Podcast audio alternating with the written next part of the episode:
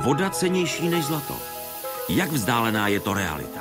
Dřív stačilo na vykopání studny 8 metrů, teď našel vodu až v 18 metrech. Jsem byl jistý, že i těch 15 metrů musím bohatě a stačilo to. Jak si vody vážíme a jak s ní hospodaříme? Investice do upravny vody se nedaly odkládat kvůli dožívajícímu potrubí a zhoršující se kvalitě vody. Snížit spotřebu vody zhruba o polovinu musí i podniky a farmáři. Způsobí sucho války a další stěhování národů? Nedostatek vody, nezodpovědné chování se k vodním zdrojům může vést k tomu, že v některých částech světa budou zásadní problémy. Kolik vody člověk potřebuje k životu? A kolik k životu v pohodlí. Na přibývající obyvatele už vodovodní síť nestačí. My si dopisujeme se sousedama a zase neteče, takže budeme volat druhý den na obec. Jaký je voda sluha a jaký pán? Ta voda prostě měla kam jít. Dneska my to všechno jenom regulujeme, dáváme to do betonu a potom se divíme, že, že vlastně ta voda rychleji ohrožuje ty spodní části. Právě začíná 29. díl měsíčníku Fokus Václava Moravce. Tentokrát na téma voda.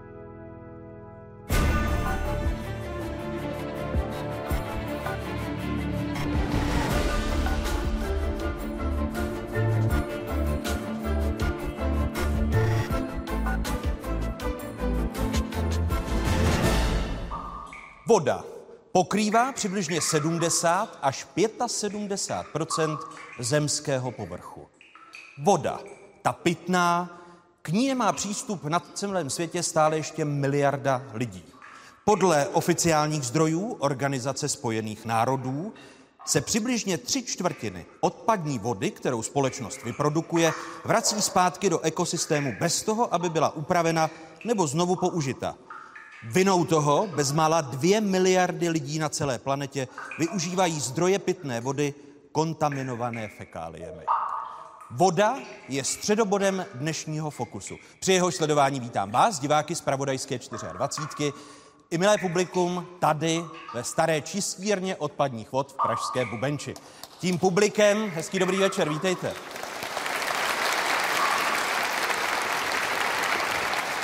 Tím publikem dnes jsou studenti a pedagogové pražských gymnází Jaroslava Hejrovského, arcibiskupského gymnázia, malostranského gymnázia, Mensa gymnázia. Naše pozvání přijali i pedagogové a studenti gymnázia v Třebíči. A vítám i studenty Přírodovědecké fakulty Univerzity Karlovy v Praze a České zemědělské univerzity v Praze. Ještě jednou dobrý večer vám všem, vítejte ve Fokusu.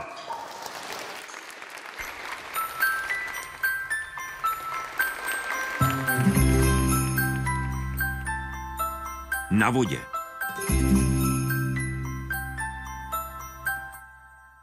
A první kapitolu dnešního Fokusu otevírají dálková plavkyně, žena, která několikrát překonala kanál La Manche. Iveta Hlaváčová Tulip. Vítejte, hezký dobrý večer. Dobrý večer. A mé pozvání přijal i internista, který působí na třetí interní klinice první lékařské fakulty Univerzity Karlovy, Lukáš Zlatohlávek. Pane docente, vítejte. Dobrý večer. Iveto, kdy padlo to rozhodnutí, že budete závodit a že voda se stane vaším závodním žiblem? Asi tak v šesti letech povinně jsem musela závodit, protože rodiče mě přihlásili do plavání. A tam byla podmínka, když teda za státní peníze trénujete, tak musíte reprezentovat město a dotáhnu to někam dál, takže nerada, ale šla jsem teda do toho závodění, ale plavat jsem začala, protože mě to baví, ne protože chci vyhrávat. Jaké místo to tehdy bylo, které jste reprezentovala? Blansko. Blansko. Kolik jste toho naplavala? A topila jste se někdy? Ty začátky byly krušné? No tak topila. Um, já jsem měla takový put sebezáchový, že když jsem prostě věděla, že na to nemám, tak jsem tam nelezla. Nicméně, um, ne, ne. Prostě tak úplně normálně s těma tyčkama jsem se učila plavat, jestli si to tady někdo pamatuje, tady publikum asi ne, ti jsou moc mladí. Počkejte, ale většina ale... z nás se touto metodou topila. Ano. Ne, že se učila plavat. No, tak já jsem tu paní učitelku vždycky bouchla, tu tyč jsem tam někam odhodila a postupně jsem se učila plavat a naštěstí pak jsem dostala takového rozumného trenéra a ten byl teda výborný a měl takový um, lidský přístup, což v té době nebylo až tak normální a vybudoval ten vztah trošku ještě víc a začalo mě to bavit a tak jsem postupně se probojovala až k tomu závodění, ale musela jsem se to učit, protože jsem neměla ráda pozornost. Takže jsem schválně prohrávala a prostě tak nějak jsem se spíš jako stranila. Až později mě teda přesvědčili, že by bylo dobrý vyhrávat, když to jde. Vy jste záměrně prohrávala? No, blbý, že? Je to, je to zvláštní? No, tak Při nejmenším. jsem byla celá já. Znamená, jak vás tak poslouchám, u vás se měnil zásadně vztah k vodě. Měnil, to je pravda. Jak jste na to přišel? Protože o tom tak krásně povídáte. Že by? Tak. Eh, Měla jste někdy z vody strach? A které okamžiky to byly?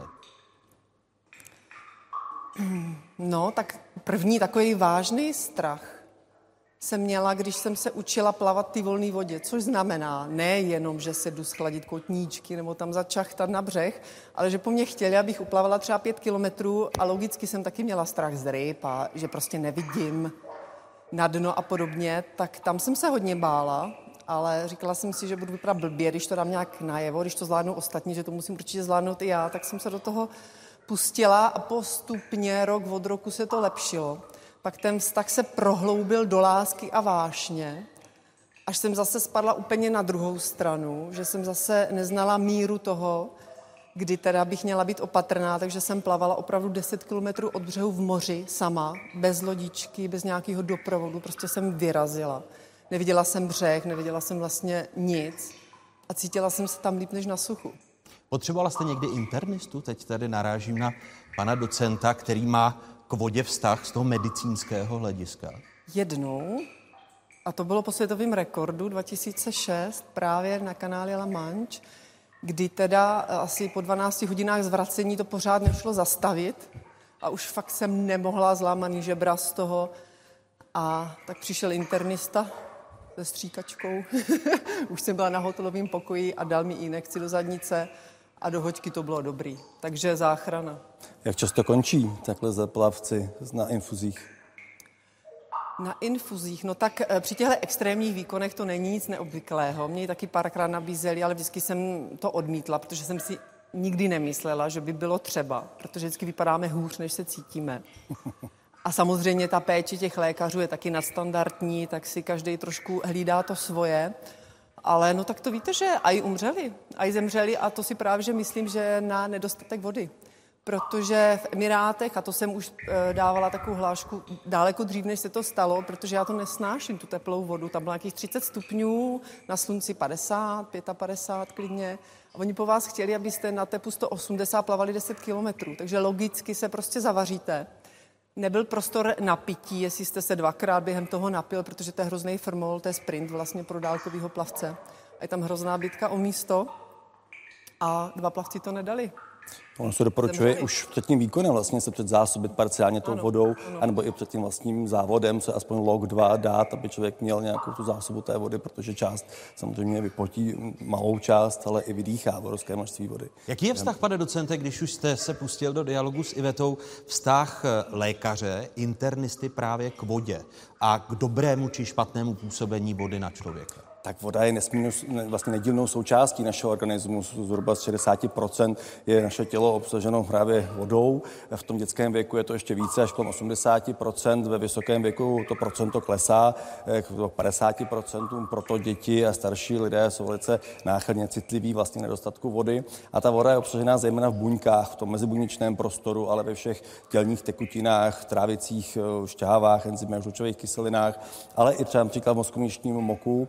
E, proto vlastně v cévách nám kule pouze 10% e, těch tekutin. Proto jsme velice náchylní k té, potom k té dehydrataci a ta, tělo, ta voda vlastně řídí veškeré funkce našeho těla, ať orgánů, buněk či celkových systémů. Na které funkce v souvislosti s vodou a jejím fungováním v lidském těle především zapomínáme?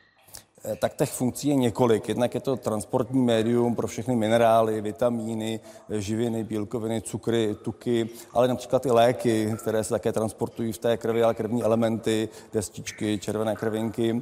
A eh, další ta důležitá funkce vody je termoregulační, protože na každý stupeň, o jeden stupeň více, vypotíme zhruba půl až jeden litr tekutiny a samozřejmě velké množství také vydýcháme. Ale ta voda má i určitý ochranný mechanický účel v našem těle, že chrání tlivé orgány, například mozek je v takovém jakémsi měkkém bodním polštáři, aby nedocházelo k poškozování například při traumatu, při nějakých otřesech půdy, při plavání.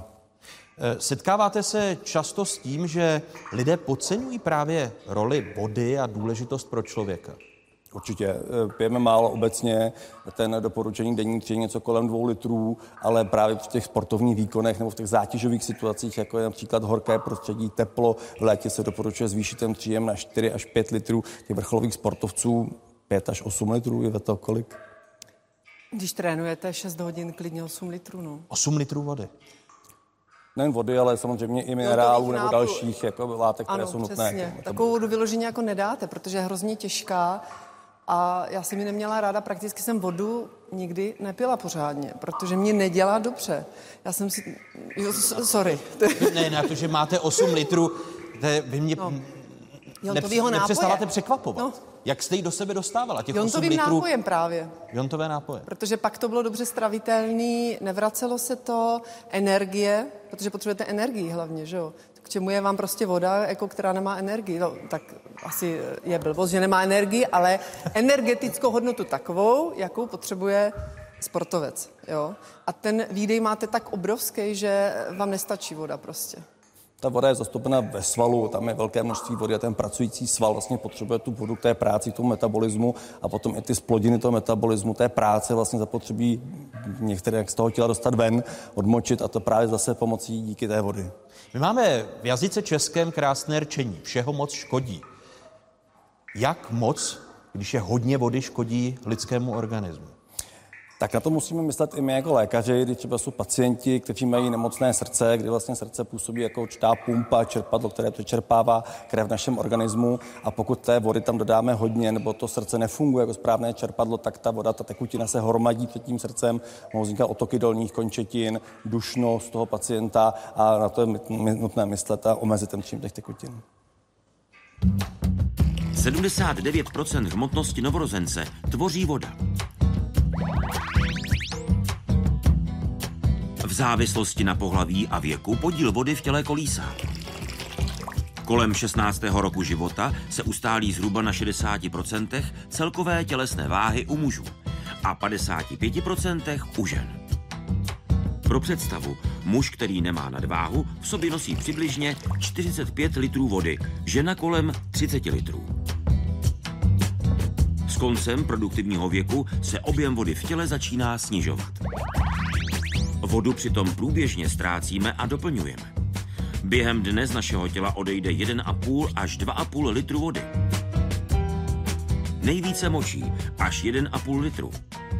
A vydechovaným vzduchem necelý půl litr.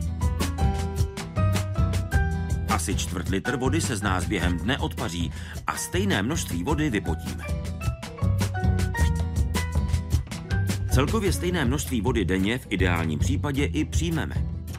Nejvíce v nápojích, asi půl druhého litru. Z potravin načerpáme zhruba tři čtvrtě litru vody denně.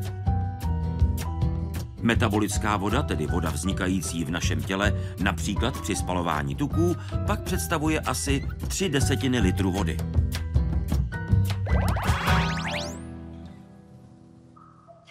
Teď v té modré části jsme viděli, pane docente, odkud vodu čerpáme. Odkud bychom ji raději čerpat neměli pro náš organismus? Já bych ještě zdůraznil to, odkud bychom čerpat měli. Je nutné si uvědomit, že v České republice máme velice kvalitní kohoutkovou pitnou vodu.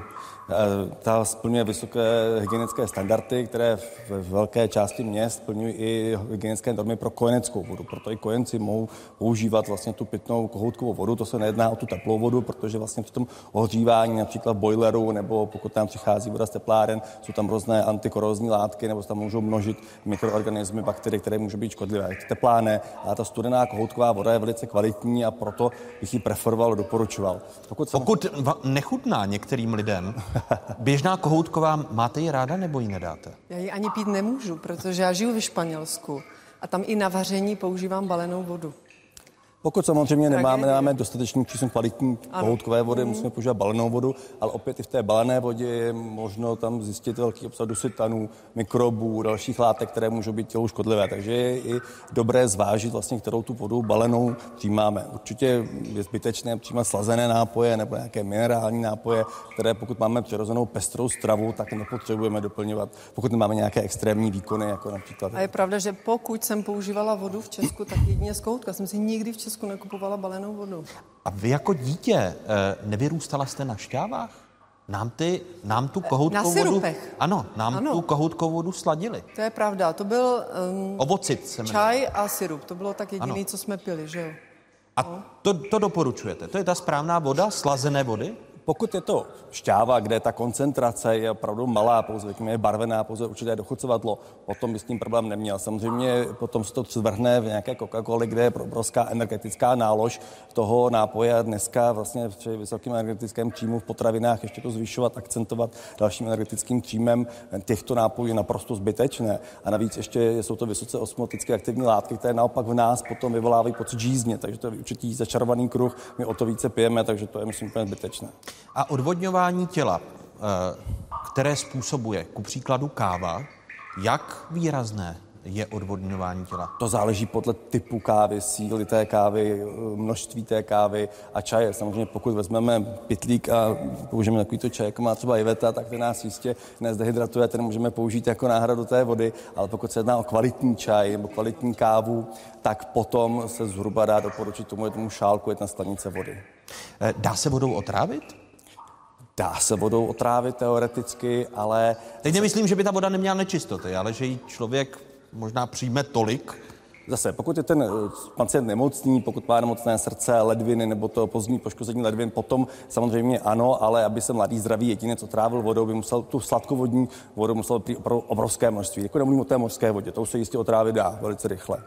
Eh, Jaké máte doporučení pro ty? A tady jsme viděli a máme tady živoucí příklad Ivety, která říká, že vodu nemá ráda a tak tu velkou spotřebu, kterou potřebovala jako dálková plavkyně, eh, měla v jontových nápojích a, a A podobně. něco jiného, protože ona měla vysoký energetický výdej i vlastně sice se potí jako plavkyně minimálně, ale parciálně se také potí a ztrácí minerály, další živiny, látky, které potřebuje vlastně k produkci eh, vlastně toho metabolismu toho těla. Tam samozřejmě ty jontové nápoje, minerály doporučujeme, to bez pochyby. Vy jste si, Iveto, nejvíce sáhla na dno právě při eh, přeplavání kanálu La Manche. To byl ten nejotřesnější zážitek, kdy jste musela vyhledat internistu. Ano, ale nebylo to eh, při jedné plavbě. Já jsem plavala tam a naspět. Třikrát jsem přeplavala jenom tam, což je z Francie do Anglie, a jednou jsem to zkoušela i naspět. Vlastně to jsem uplavala nějakých 88 km a 10 km před břehem jsem vylezla, že už mě to nebaví.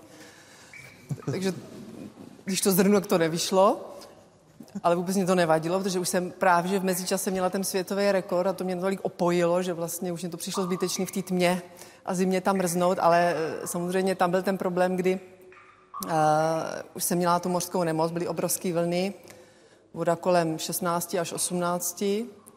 Uh, tuky jsem nenabírala, jak bylo vždycky zvykem, aby dálkový plavec musel být tlustý. Prostě moje filozofie byla, že pokud máte dostatečnou kondici, nepotřebujete tuk, protože svaly vás zahřejí. Potřebujete držet tempo. Jenom pomalej plavec potřebuje špeky. Protože Protože jste byla rychlý plavec, Ano, bez jsem- špeků, protože to tempo, to opravdu tak funguje? Že to tempo... Za, Určitě tak ta, vlastně tuk nám slouží nejen jako by zásobárna tuku, ale samozřejmě jako izolant, takže určitě té chladné vodě tak to funguje. No ale svaly vás zahřívají především, že jo? Když mažete, tak je vám pěkně teploučko. sousloví mažete my v těchto zeměpisných šířkách používáme k něčemu. To byste také doporučoval? Mazat? Umírněně, umírněně. A i podle odborných... eh, Protože politici nám jdou příkladem. Tak jestli No ale ti se vyznají. de, denní dávka alkoholu... aktivitách určitě ne. Maximálně po jeden drink, dva. Tři. No. Ne, ne, počkejte. Toto je vážný, seriózní pořad, který má edukovat. No ale tak to si mě nemůžete zvát. Ne, počkejte, vy jste si po, po těch výkonech, pardon, jenom po těch výkonech vy jste si dala jeden, dva, tři, tři drinky? čtyři a víc. A to byla ta jediná šance, jak přežít. Protože máte jontovou disbalanci, jonťáky selhaly a vy jste potřebovala L, vlastně, nebo já jsem potřebovala, doplnit tekutiny, že jo? O tom je tady řeč. A jonty. A kde máte nejvíc takových A Bček a jontů? na infuzích, ale že? No. A, č- a čím jste to tedy doplňovala? Víno no. nebo tvrdý alkohol? Eh, pivo. Pivo. Pivo. A když teda nebylo kvalitní pivo, tak prostě něco. Protože jinak vám bylo blbě, ty játra si potřebovali šok nebo něco, ale fungovalo to.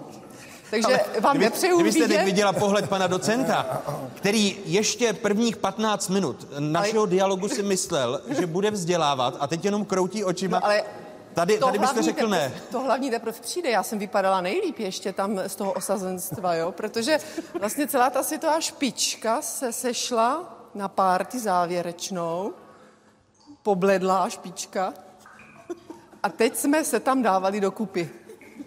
Systematicky. A ráno jsme jeli domů. Odborný Asi- komentář, asi- asi chápu. komentář internisty. Asi chápu ten, oslavit ten výsledek, bez pochyby, to beru, ale abych to uvedl na pravou víru, podle odborných doporučení se doporučuje jeden drink alkoholický denně. Jedno to A je jeden bílé... kilometr. Ne. ne. Chce udržet tempo se vším, že? Denně. V té nezatížených situacích. A jedno je to červené víno, bílé víno, pivo nebo destilát, ale jeden drink denně, prosím, neberte si úplně to slova celá vážně. Opravdu ta lékařská seriózní doporučení Ano. ne, nerozlišují mezi destilátem, mezi vínem či mezi Jde pivem. o množství toho alkoholu. Nejde o to, jakou formou přijímáme. Samozřejmě dřív se preferovalo červené, bílé víno, eh, pivo, ale je to víceméně jedno, jde o to množství toho alkoholu. Voda je všude kolem nás eh, a teď mám na mysli vodu virtuální. Pokud se ptáte, co se pod tím pojmem virtuální voda skrývá, tak je to pojem zásadní, Eh, protože je to voda, kterou spotřebujeme na výrobu jednotlivých produktů. Od obyčejného trička až po potraviny, které konzumujeme. Eh, S pomocí dat organizace Water Footprint jsme se podívali, jaké množství virtuální vody kolem nás proteče v průběhu běžného rána.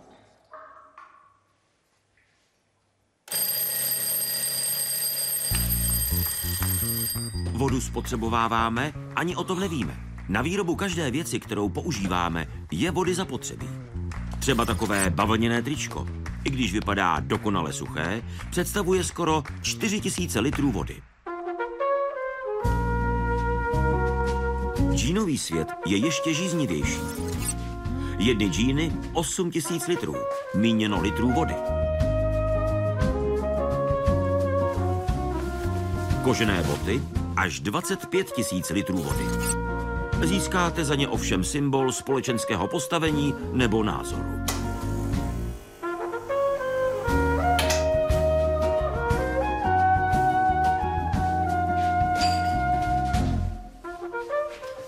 Malé presíčko, asi tak na dva loky. Kolik je v něm vody? Stěží uvěřitelných 132 litrů. Pokud si ale kávu osladíte o trochu víc, virtuální vodoměr se začne roztáčet. 100 gramů cukru totiž stálo 92 litrů vody.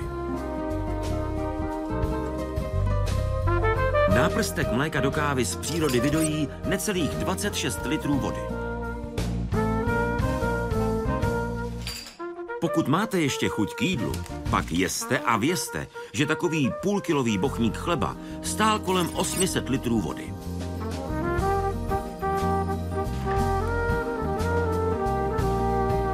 Za deseti dekagramy síra je víc než 300 litrů vody. A kostka másla přišla skoro na 1400 litrů vody.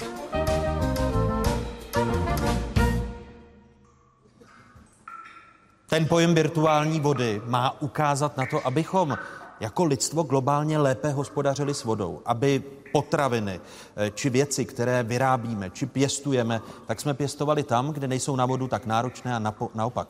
Eh, Iveta Hlaváčová Tulip eh, vychovává své děti ve Španělsku. Vy tam, jak, jak často žijete v Česku a, a ve Španělsku? Pendlujete často? No, my spíš pendlujeme mezi Švýcarskem a Španělskem, protože tatínek je Švýcar. A je to i příjemnější, protože je to blíž a mají tam čistou vodu. A nakládání, a nakládání právě s vodou v těch eh, zemích, jako je Španělsko, Švýcarsko či Česko, když to srovnáte? Hm, hrozně zajímavý, protože um, Švýcaři mají krásnou, čistou vodu. Nevidíte ani řeku špinavou, potok. Vodou nešetří, protože ji mají dostatek. A pijou všichni z kohoutku a je výborná ta voda. A ve Španělsku je to pravý opak. Když teda jsem nikdy neměla jako nedostatek vody, ale zažila jsem, že nám zakázali používat vodu, protože hrozily požáry, což je tam jako normální. Mně se to stalo zrovna, když jsem měla rodit, tak jsem měla zbalený dvě tašky, protože nám hodili do schránky vzkaz, ať se připravíme eh, na opuštění domu v případě požáru. Takže jsem měla jednu tašku v případě, kdyby hořelo a druhou, kdybych rodila. Tak to bylo příjemné, pořád jsem balancovala, která bude tak tam třeba byl zákaz zalévání, eh, samozřejmě gridování, to, to teď jako nepatří k tomu, méně prát a tak dále, prostě šetřit. Jo. Jinak to tam vůbec nevnímám, jenom že ta voda hold není kvalitní, ale zase je výborná na sprchu, nemám po ní suchou pokožku. Což nevím proč, jestli eh, má prostě jiný složení, který prospívá pleti, že se mi tam jako zlepšily vlasy, pokožka. Ona voda má právě i ty eh, léčebné účinky v souvislosti s pokožkou a podobně? Určitě, tak voda patří k základním hygienickým standardům u nás a vodu používáme k mytí rukou, mytí potravin, které přijímáme a samozřejmě to mytí denní, které samozřejmě dneska je k diskuzi, protože někdo tvrdí, že by jsme se denně mytí neměli, to je zbytečné, někdo tvrdí, že ano. Já si myslím, že v 20. století je to hygienický standard se prostě denně umít a samozřejmě ta voda se používá ne, bez alergení, je například o mytí ran, které když se například poraníme, poškodíme, tak jistě ta voda, tekoucí voda je prvním lékem té volby, kterou použijeme. Eh, je výrazný rozdíl v kvalitě vody v té, která je odsolená a kterou eh, právě se kterou přijdeme do styku v některých zemích, které trpí nedostatkem vody a proto odsolují vodu? To asi záleží podle toho typu eh, té vody, jestli to je čistě ta odsolená nebo ta podzemní nebo prvochá voda, která se používá. To myslím, že asi nelze úplně přesně specifikovat. Eh, ano, je to. No, eh, mě to tak jako zaujalo, protože ve Španělsku je docela normální, že každá domácnost má svůj počítač, který řídí soli ve vodě, že my tu sůl tam dodáváme, vždycky koupíme takový 15-kilový pytl, pytel teda, pytl, ten si hodíme do takové prostě komory, nasypeme to do počítače a ten nám postupně uvolňuje sůl, protože asi máme hodně kalku, že? Možná záleží i spíš podle toho, jestli ta voda je chlorovaná, protože se dá používat jako salinace, tam se rozkládá ta sůl na natrium a chlor. A vlastně to vlastně parciální chlorování té vody, která slouží k dezinfekci. A to zase přesně teda se přiznám, že nevím, jak to, to v no. funguje, jak to máte. Eh, když jsme se bavili o dehydrataci, může mít eh, dehydratace trvalé následky, pane? Bez pochyby.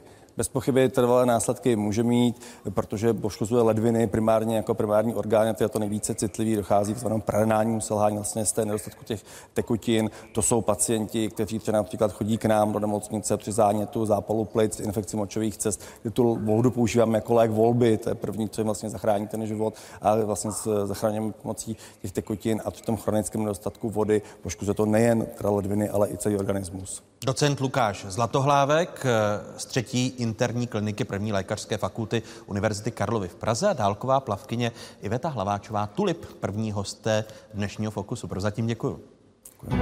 Hosty měsíčníku Fokus Václava Moravce na téma voda dnes večer jsou dálková plavkyně Iveta Hlaváčová Tulip, internista Lukáš Zlatohlávek,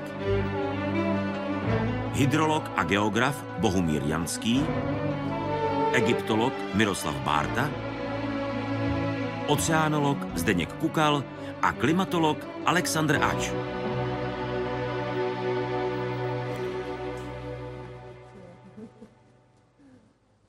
Člověk a voda.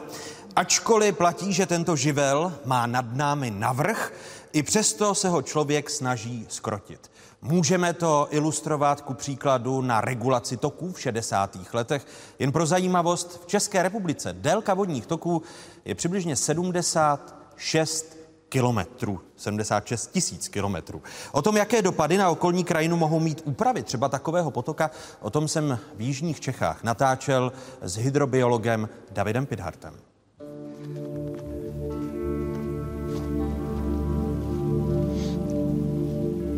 Takže jsme u Miletínského potoka pod obcí Štěpánovice a Je to krásný příklad toho, jak naše úpravy vodních toků jdou vlastně proti myšlence zadržování vody v krajině.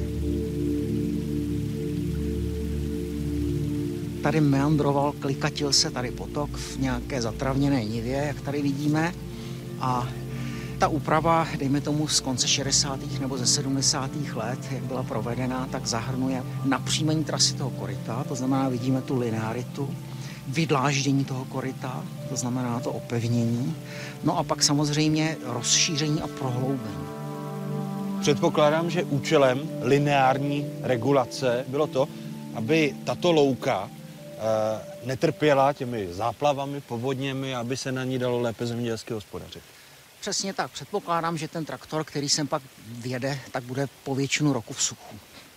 To byl jediný účel těchto, těchto regulací, nebo byly nějaké Tak další? samozřejmě, že v obci e, potřebujeme ochránit infrastrukturu, zástavbu a tak dále, e, ale ve volné krajině šlo opravdu o to, aby se lépe ty pozemky daly obhospodařovat. My po 60 letech bychom teď se tedy měli vrátit k tomu původnímu, abychom zadrželi lépe vodu v krajině. My ten potenciál vlastně nevyužíváme, nebo my, my ho vlastně jsme zredukovali a teď vlastně trpíme těmi následky.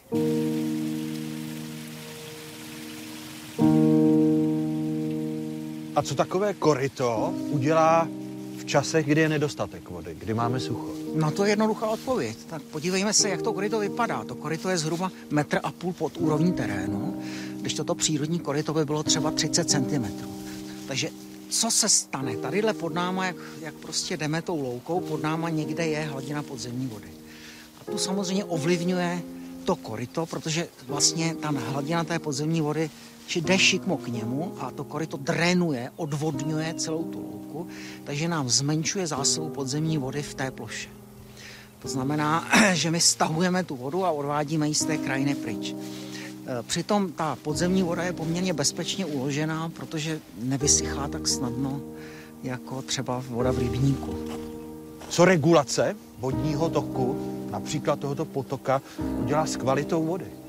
No, pokud vlastně důsledkem té regulace je to, že orná půda sahá štěstně k toku, no tak samozřejmě ten důsledek je zásadní, protože se živiny, jako především fosfor, ale i dusík, vlastně dostávají z té orné půdy do vodního toku a jsou transportovány někam, kde je nepotřebujeme, nebo kde jsou vlastně závadné. Například ve vodních nádržích, například až nakonec v moři. Ale vemte si třeba stav e, nádrže Orlík, která prostě se zazelená každé léto vodními květy a nedá se ani použít k, k rekreaci a to je důsledkem toho, jak to povodí vypadá. To je důsledkem toho, že fosfor a dusík se málo zadržují v těch, těch vodních a mokřadních ekosystémech a vlastně jsou splachovány dolů. Nejen regulace těch vodních toků, ale bez zesporu i ta údržba musí stát obrovské peníze. Samozřejmě a ta voda, eh, jak jsme o ní mluvili, ta voda nespí, ale nahlodává to opevnění a postupně ho narušuje, takže pokud necháme tu stavbu svému osudu, no tak se rozpadne, jak to vidíme právě tady dole, že už nám v té zákrutě po tom rovném úseku, kde ta voda získá kinetickou energii velkou, no tak tady vlastně nám narušuje to opevnění. Tenhle ten proces toho rozpadu je už pomenován, jmenuje se renaturace a je to takový tichý proces, kterým si ta příroda jako vrací ty toky do původního stavu a vlastně můžeme ji považovat za poměrně prospěšný proces.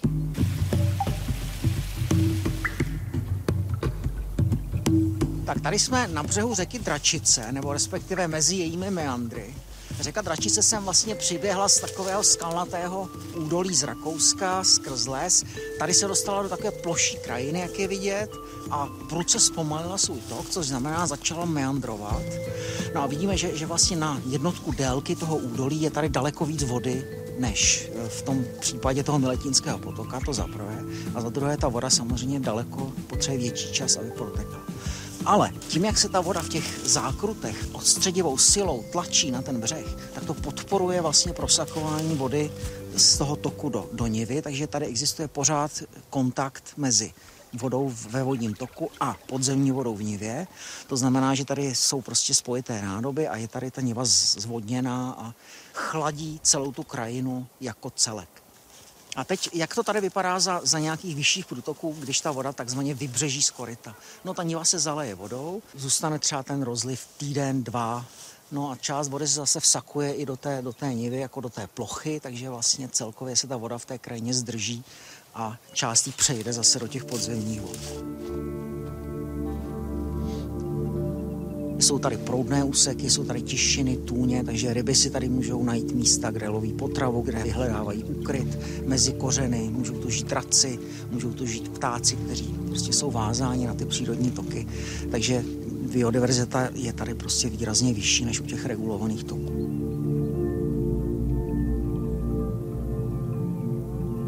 Tady je nějaký koridor, ve kterém ale v průběhu třeba desítek až stovek let vlastně to koryto mění trasu. Takže ty meandry nebudou za sto let vypadat takhle a budou třeba někde přeloženy kus dál, což zase má význam pro biodiverzitu, protože tu vznikají nové biotopy, třeba stojaté vody, kam zase ryby mohou vplout a odpočinout si a tak dále. Jak výrazné procento vody u takhle neregulované krajiny zůstává, když to srovnáme s tím lineárním potokem zregulovaným v 60. letech? Já bych to odhadl mezi tak jedna a půl násobkem až trojnásobkem vlastně zásoby vody a podobné číslo můžeme použít i pro tu dobu, kterou voda potřebuje, aby protekla tím údolím.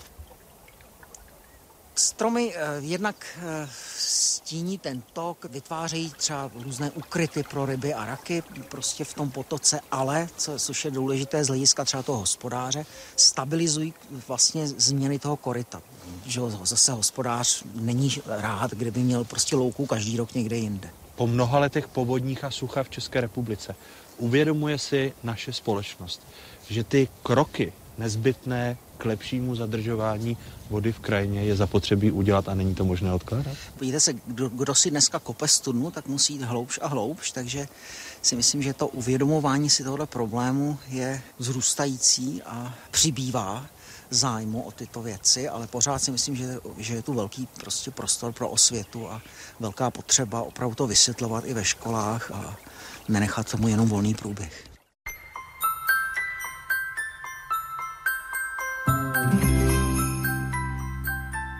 Boj o vodu.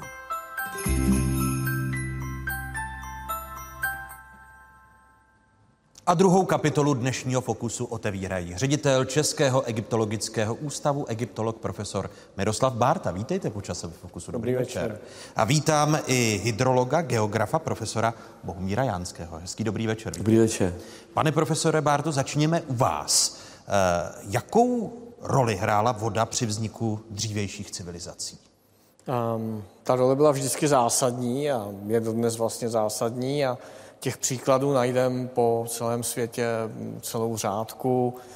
Um, nedá mi to, abych nezačal starověkým Egyptem už ve čtvrtém tisíciletí před Kristem, poté, co vyschla Sahara, která začala vysychat 2000 let ještě dříve.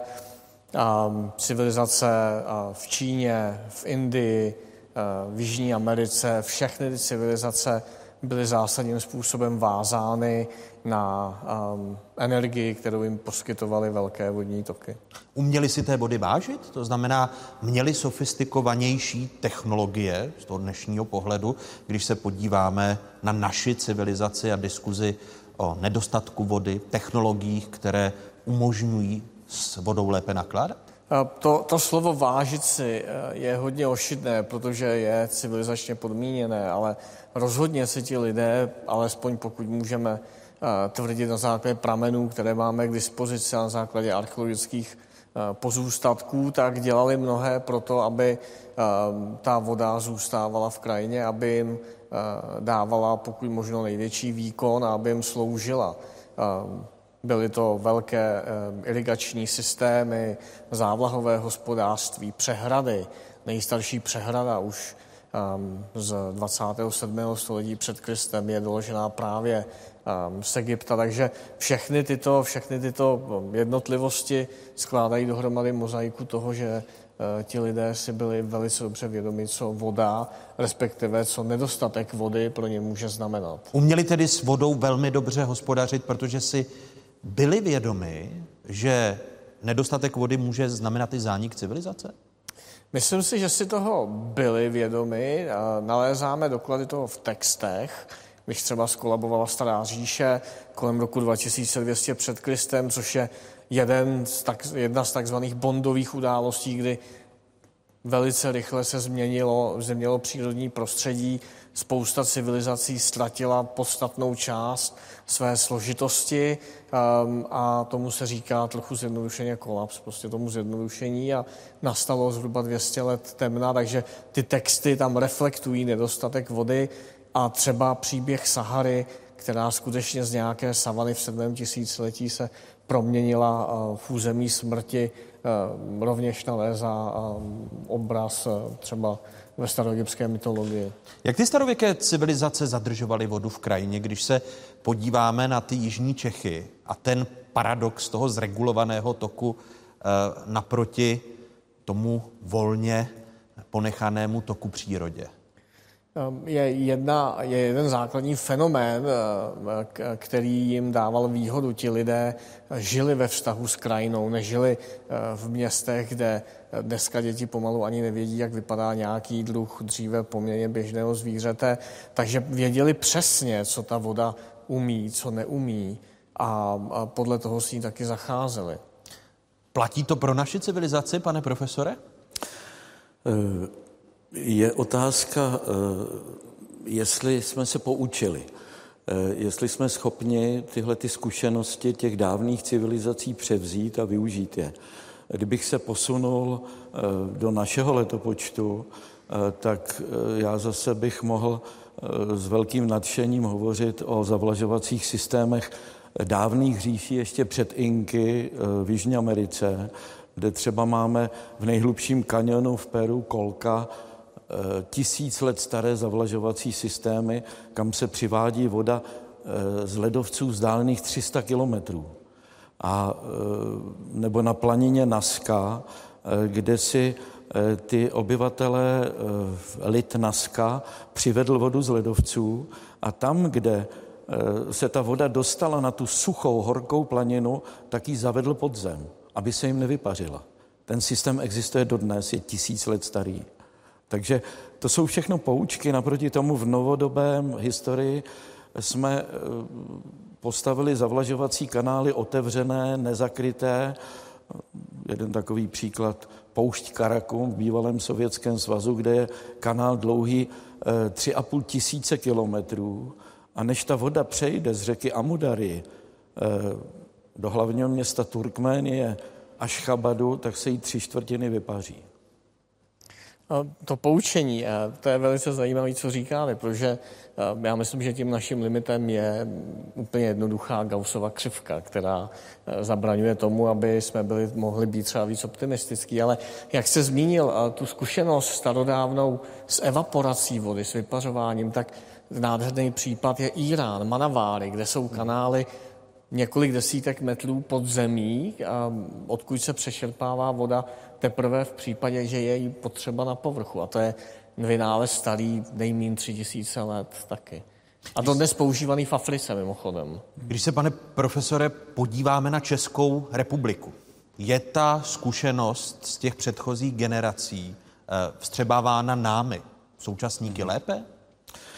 Eh, já bych nemluvil úplně jaksi depresivně o minulosti. Eh, sice ten příspěvek, který jsme slyšeli, je depresivní a je pravdivý, ale zase na druhou stranu můžeme říci, že eh, ta předchozí generace nám vybudovala v podstatě významné a velmi důležité vodohospodářské soustavy, z kterých dodnes žijeme a ještě nějakých 10-20 let možná žít budeme.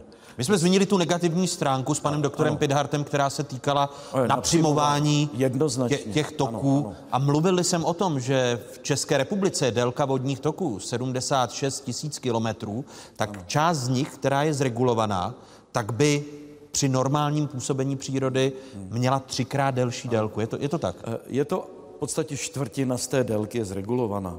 Eh, my dneska děláme... Z těch 76 tisíc kilometrů. Eh, my dneska děláme pravý opak toho, co se dělo v těch 60. 70. letech. My chceme vodu zadržet. Eh, vždyť jediným zdrojem naší vody jsou srážky dešťové, sněhové. Ležíme na střeše Evropy. Nic k nám nepřitéká. To znamená, my nechceme odvodnit mokřady, a rychle vodu odvést. My ji chceme co nejvíce zadržet. A teď proto budeme dělat maximum.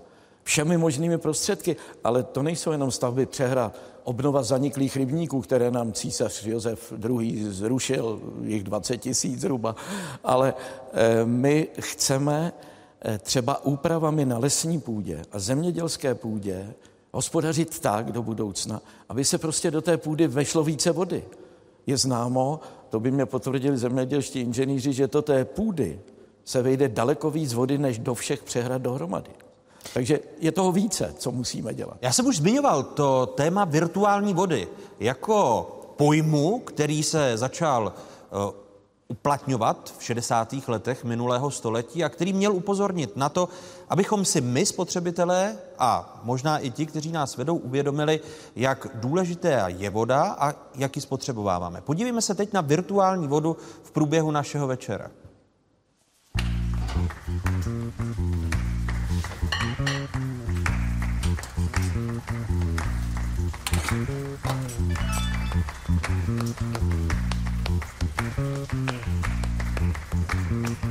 Takzvaný chytrý telefon spotřeboval skoro 13 tisíc litrů vody.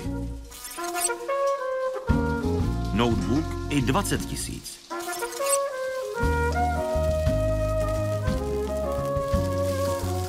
Gramový kuřecí steak asi 865 litrů vody.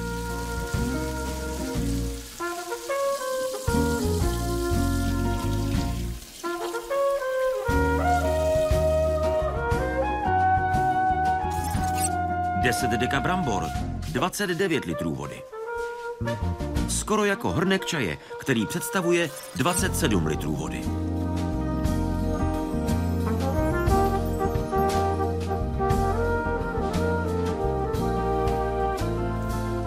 Skutečná denní spotřeba vody na osobu v Praze je oproti té virtuální velmi skromná. Nebo ne?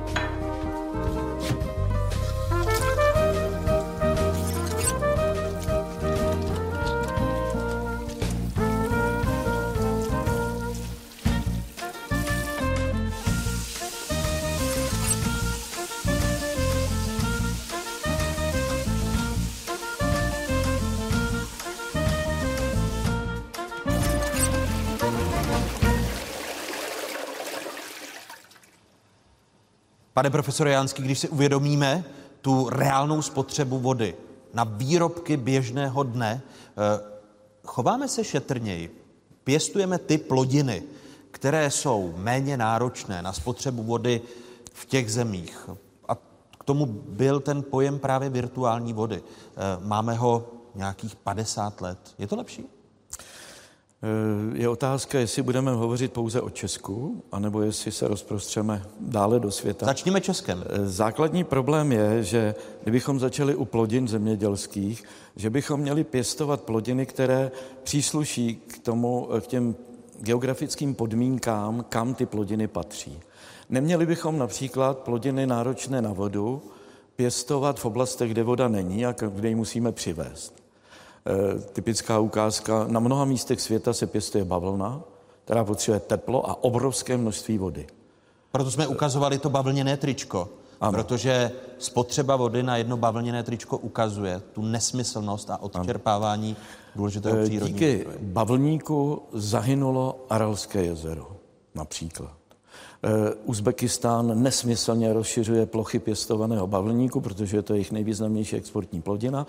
No a ty odběry vody jsou obrovské, takže Sirdaria tam přestala dotékat do toho Aralu, Amudaria měla asi čtvrtinu vody a to jezero má dneska 10% rozlohy. Totež ale třeba se děje ve Spojených státech, jo, abychom jenom nekritizovali rozvojový svět. Eh, Spojené státy ve státech středozápadu zavlažují pitnou vodou bavlník, eh, což je další veliký nesmysl, kterého se dopouštějí. Eh, Ale těch věcí je spousta ve světě. Byť tedy máme pojem virtuální voda, který by nás měl edukovat jako spotřebitele, tak jsme nepoučitelní zase. No, pořád nechceme pochopit ty zkušenosti předchozích generací a máme se pořád co učit. Eh, Já myslím, že eh, u nás celkem je v pořádku, že se pěstují plodiny, které sem patří. Eh, Problém je, že si ničíme ornou půdu, že ji zastavujeme, že z hlediska vody v podstatě podporujeme některými plodinami půdní erozi, ta voda se nezd, nezadržuje v té půdě, ale rychle otéká. Třeba na nějaký kukuřice? Kukuřice na svahu. Mluví se o tom desítky let. Podívejte se, jak vypadá naše krajina, spousta kukuřice. Je to výhodné. Z kukuřící se dokonce topí v biosplinovacích stanicích. Nebo rychle rostoucí dřeviny. Stromy daleko od sebe, které podporují erozi. Obrovský nesmysl, podle mého názoru, z hlediska vodářského. Já bych to zrušil. Jo. Toto, což bylo státem podporováno, dotováno. Dneska, když vidím na nádherné orné půdě nějaké rychle rostoucí dřeviny, aby byly spáleny ve stanicích biosplinovacích, pro mě je to nesmysl. Pane profesore Barto, najdeme takové analogie v těch starověkých civilizacích? Ne, tak eh, to, co um, jsme schopni eh, vytvořit uh, ve jménu čtyřletých volebních úspěchů, vys deviantní politika biopaliv a podobné nesmysly, to prostě nemá obdoby uh, u civilizací, které si byly vědomy toho, že uh, přírodní zdroje jsou pro ně alfou a omegou. Mimochodem, to, jak ztrácíme tu paměť o krajině, to dosvědčují třeba staré mapy, první, druhý vojenský mapování. Dneska velice často zažíváte, že přijde eh, krajský politika rozhodne, tady uděláme rybník a když se podíváte do starých map, protože tu paměť my už té krajiny nemáme, tak ty vám velice často přesně napoví, kde nějaké rybníky kdysi existovaly a kde naopak je nesmysl něco, něco vytvářet. Takže my máme ty nástroje, jak se vrátit k tomu, abychom žili lépe v souznění s krajinou, ale jestli je chcem používat, je úplně jiná otázka. Ty předchozí civilizace, které vy jako egyptolog zkoumáte, tedy byly velmi střídné s nakládání, nakládání s vodou. Byli, řekl bych, rozumnější, protože vnímali tu přírodu, vnímali její cykly, vnímali její, její hranice. My dneska jako lidé ve žijící ve městech samozřejmě ani i objektivně nemůžeme mít ty kvality těch lidí, kteří tehdy skutečně ne, že by šli do přírody, oni žili v přírodě. Jo. To je ten velký podstatný rozdíl. Proto věděli daleko silněji než my, že voda není nevyčerpatelná. Věděli, jaké jsou náklady vody. To, co dnes nazýváme v odborném pojmosloví jako virtuální voda. A taky si velmi dobře pamatovali, že když nějakou krajinu vyčerpají, když dojdou nějaký zdroje, takže se musí, musí pohnout, musí někam odejít. To samozřejmě v té, v té paměti lidí bylo. Už jsem zmiňoval třeba tu Saharu. My teď můžeme sledovat příklad Kapského města, které na počátku roku omezilo spotřebu vody na 50 litrů na člověka denně eh, a posouvá se termín zda úplně budou vypnuty kohoutky v Kapském městě. Původně to mělo být v Dubnu, pak v květnu, teď jsme někde na srpnovém termínu. Takových měst, pane profesore Jánsky, bude přibývat? Už dnes je jich mnoho takových měst. E, Bangkok, hlavní město Tajska, hladina podzemní vody sklesla o 25 metrů za posledních 50 let. E, ve většině velkých čínských měst nad 100 tisíc obyvatel jsou poklesy registrovan metr, dva metry Eh, ročně pod Pekingem například. Eh, to znamená, jednak nám klesají díky nadměrným spotřebám hladiny podzemní vody a musíme hledat jiné cesty. Není-li podzemní voda eh, třeba v Čína, Brazílie, masivní výstavba přehrad. To znamená, kryje se to z těch povrchových zdrojů, ale i tak do budoucna ta spotřeba poroste samozřejmě díky rostoucí civilizaci. Když si vezmeme, že v roce 2050 tady bude 9,5 miliardy lidí. E, s tím porostou stáda dobytka třeba.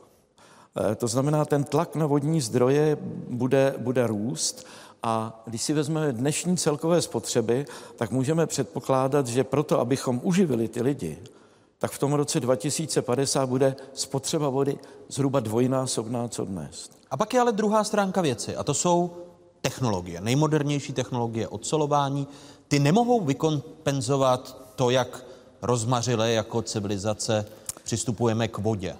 E, určitě. E, v tom e, tropickém pásu suchem, v těch vnějších tropech kolem obratníků, už se dneska masivně odsoluje. Já řeknu třeba takové státy na Blízkém východě. Izrael je příkladem. Zhruba třetina pitné vody se kryje mm, tou reverzní osmózou, tedy ocelováním. Nicméně přeci jenom ocelená voda není ta voda pramenitá. Že jo? A nevím, jestli už jste pil odsolenou vodu. Uh, pokoušel jsem se jí pít, jo. ale asi bych musel zvolit způsob Ivety Hlaváčové ano. tulip dát do toho jonty. Nedovedu si představit, že bych to běžně pil. Není dobrá. A když vidíte v Dubaji a jinde, v těchto zemích, jak tam jezdí kontejnerové lodě plné balené vody, od někud přivezené, tak prostě se pije balená voda tady v těch oblastech. Ale samozřejmě pro tyhle země ocelování je perspektiva do budoucna. Maroko, Tunisko, Alžírsko. Tři státy severní Afriky, kterým v následujících desetiletích hrozí fatální nedostatek vody. Není to jediná ohrožená oblast planety. Podobný scénář čeká podle temných předpovědí i země takzvaného afrického rohu.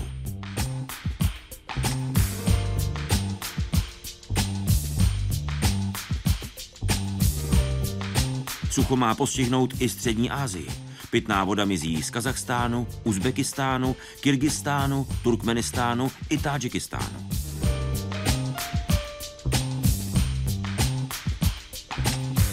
Nejbližší kontinent, kam se za vodními zdroji i vyšší životní úrovní přesunout, se lidem ze všech těchto tří oblastí nabízí jen jeden. Evropa.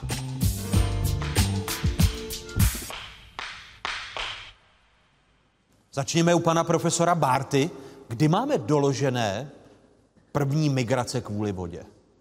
Ty menší jsem už zmiňoval, jdou do sedmého tisíciletí před Kristem, do, do staršího holocénu.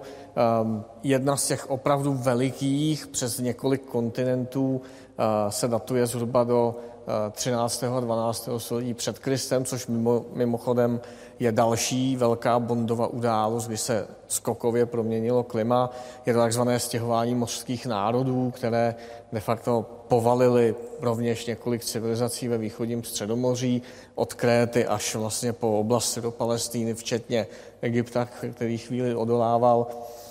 Čtvrté, páté století zánik západní eh, říše římské velkou roli zde hrál, hrály, eh, hrálo klimatické, hrály klimatické posuny a rovněž migrace. A i dneska eh, je zcela na bílé dni, že, eh, jak zaznělo i v poslední reportáži, že velké posuny v hydrologických poměrech přirozeně povedou k tomu, že lidé se pohnou a už se hýbají. Ano, my máme vzal jsem ku příkladu jednu studii vědců z Kolumbijské univerzity, že se vzrůstajícími teplotami počet migrantů přicházejících do Evropy ke konci století, našeho století, se strojnásobí a každý rok tak do Evropy dorazí milion migrantů. Eh, Evropa bude schopna to zvládnout? Dojde tady k nějaké adaptaci? Tak eh, já bych si nejdřív položil otázku, do jaké míry ta, ta studie je zásadní, protože je tam obrovské množství proměných, pracuje se tam s tím, že ten vývoj bude lineární, že tam nedojde k nějakým eh, buď skokovým posunům nebo zásadním proměnám v těch trendech. To jsou všechno velké otazníky. Ehm, zdá se v tuhle chvíli skutečně, že celý přední východ, pás Magrebu vysychá konečně. I arabské jaro bylo svým způsobem konsekvencí dlouhodobého sociálního stresu, který odstartoval vlastně trigger spouštěč v roce 2010, kdy byla velká neúroda v jedné části světa, nepřetržitě pršelo, na druhé straně světa bylo obrovské sucho, výsledek byl stejný, z části skolaboval trh s obilím, upálil se Muhammad Buazí, se začalo arabský jaro. Takže zdá se v tuhle chvíli, že skutečně ti lidé budou stále více a více na cestách. Bude to z důvodu klimatických změn, bude to z důvodu válek přirozeně, protože klimatický stres povede k většímu, eh, větší, k nárůstu konfliktů. Na to existují taky dlouhé časové řady zkoumání těchto, eh, těchto trendů. A zároveň si musíme uvědomit, na to existují studie americké armády, že migrace může být s velkým úspěchem používána také jako, jako politický nástroj. Když se podíváme na možnosti, jak zabránit té migraci. Tady přede mnou je knížka eh, Seta Sigla, který byl před několika lety v České republice Budiš voda a on píše velmi detailně o izraelské inspiraci pro svět, který je ohrožený nedostatkem vody. A v té knížce právě říká, že boj o vodu se může změnit v rámci toho izraelského příběhu eh, vodní diplomací, protože Izrael vodu dodává do Jordánska, do palestinských území a vlastně stabilizuje ten region na místo konfliktu. Eh, skutečně Izrael je příkladem pro celý svět. Když uvážíme, že 60% území je Negevská poušť, eh, kde dneska se rozvíjí zemědělství, eh, národní vodovod, odsolování mořské vody, recyklace. Prosím vás, Izrael recykluje 75% vody, která projde průmyslem, se vrací zpět buď do výroby, anebo se s tou vodou zavlažuje. Eh, to nedělá žádná země na světě. Eh, dneska se třeba v Japonsku recykluje asi třetina vody, v Rakousku, ve Švýcarsku. Eh, to je pro nás příklad do budoucna. My potřebujeme také tu recyklovanou vodu do budoucna využívat, třeba pro zemědělské závlahy. Ale A ještě... může ten izraelský příklad, pane profesore, no, zmírnit tu vizi, o níž tady mluví pan profesor Bár? No, je to, je to úplně opačný pohled na vodu. Voda nemusí být v budoucnu příčinou konfliktů, ale může spojovat národy. Jestliže Izrael má tak obrovské plány, že propojí Rudé moře s mrtvým, rozdíl 440 metrů výškově, budou tam nějaké ocelovací stanice, eh, bude se vyrábět eh, opět tedy eh, voda pitná, 20% té vody půjde do Jordánska, do Amánu, to je úžasný plán, který zase eh, může stabilizovat ten region. On Seth Siegel píše, eh, že výsledkem hospodaření Izraele s vodou je, že minimálně od 30. let minulého století se Izraeli daří problémy s vodou řesit dříve, než se stihnou rozvinout do kritických rozměrů a než by země začala pocitovat jejich následky. Určitě. Takže ten příklad je, je dlouhodobý. Příklad existuje ale opodál Eh, je řada míst, kde je veliké napětí o vodu. Eh, vezmu třeba východní Turecko a přilehlé regiony Sýrie, Iráku, eh, kde takový Eufrat a Tigris pramení na území Turecka. Je tam mnoho přehrad a nedávno jsme slyšeli třeba představu nějakého generála tureckého, který říkal, buď vodu budeme pouštět, nebo ne. Eh, to znamená, my ji použijeme jako nástroj ovlivňování politiky. A to je to nejhorší, co by se mohlo stát. To odporuje naprosto Evropské vodní chartě. Voda má národy spojovat, ne rozdělovat. Proto se mluví o té hydrodiplomaci v souvislosti se státem Izrael. Eh, je to nový, nový jev, relativně nový jev z pohledu těch dlouhých lidských dějin, pane profesore Barto? Eh, není um Jenom staří egyptiané měli třeba přísloví být na něčí vodě, to znamená být na někom závislý, to je jedna věc.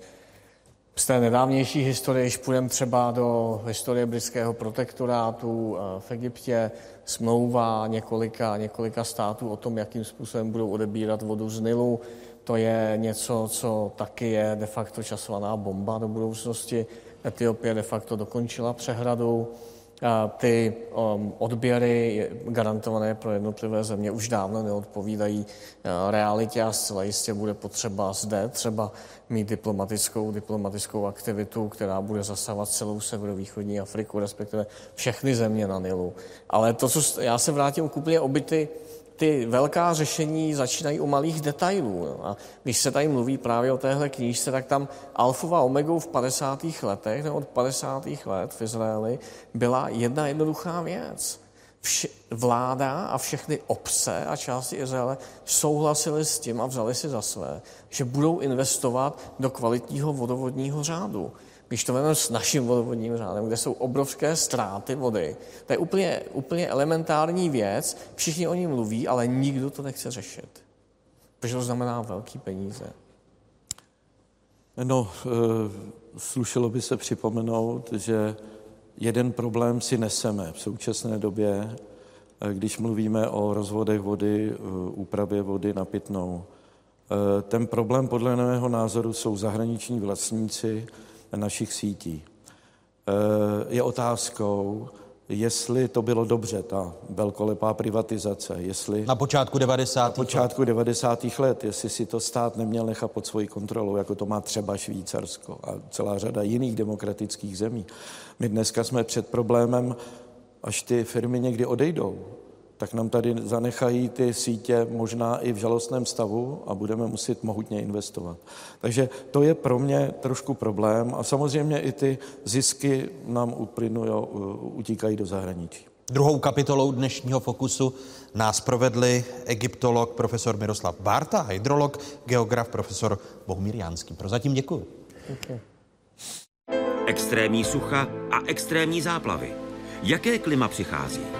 Prvenství, kterého by se Kapské město rádo zřeklo. Hrozí, že bude první metropolí světa bez vody. Jak budou Česko a Evropa vypadat za 20 let? Právě množství sněhu a rychlost jeho odtávání ovlivní to, jak dlouho a kolik vody v zemi zůstane po jarním oteplení. Jak se zvýší hladina moří a jak změna postihne vnitrozemí. Hladina moře zde může stoupnout až o metr. To může mít za následek větší vlny a katastrofické záplavy. Co vše pohřbí oceán a co zpracovat nedokáže. Středozemní moře je nejšpinavější na světě. Už dnes milovník mořských plodů ročně spolu s rybím masem sní až 11 tisíc drobných částí plastu. Co může příroda a co zmůže člověk? Mocenský boj o vodu může přerůst v ozbrojený konflikt. Místo vody může dojít na krev. Sledujete 29. díl měsíčníku Fokus Václava Moravce. Tentokrát na téma voda. S vydělanými penězi mohl procestovat celý svět. Namísto toho se Daniel Pitek vrátil ke kořenům, respektive k pramenům. Protože ve svém koutu země pod Milešovkou hospodaří tak, aby ve krajině udržel co nejvíce vody a tím pádem tu prospívalo vše živé. Po rybnících, tůních a mokřadech prováděl Martu Pilařovou.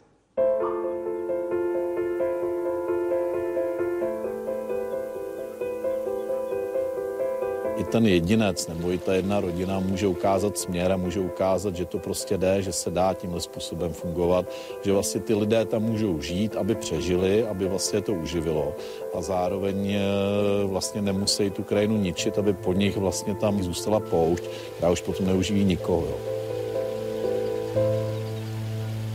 Znám křišťálovou studánku, kde nejhlubší je les. Tam roste tmavé kapradí a vůkol rudý vřes.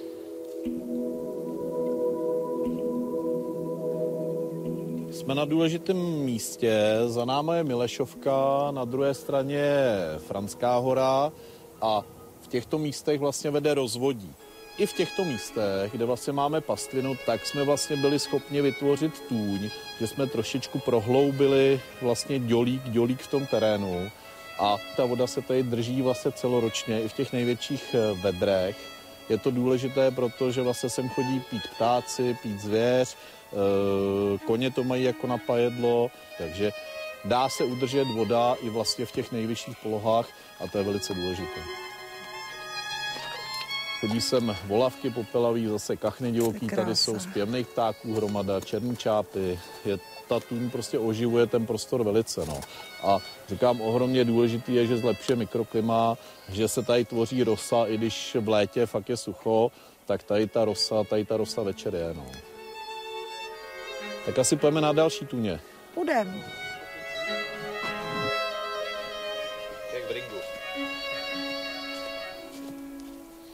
Ptáci laně chodí pít pod javorový kmen. Ty ptáci za dne bílého, ty laně v noci jen.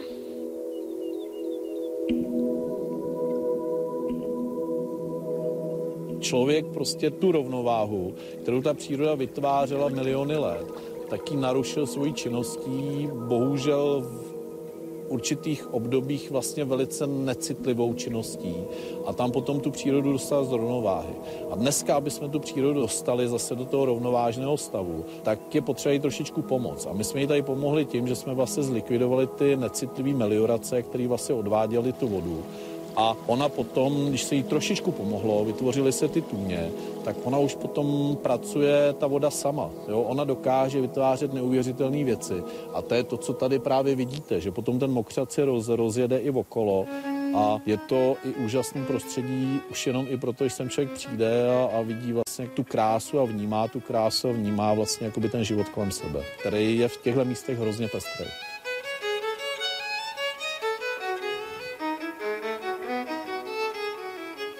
Na tomto místě vám chci ukázat, kdy vlastně jsme na relativně prudkém svahu.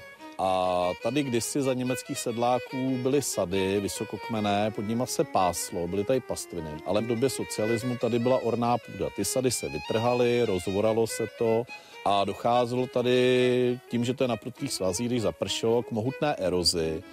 A dneska je to pastvina, která vlastně oproti té orné půdě zadržuje mnohem více vody a ty stromy k tomu pomáhají.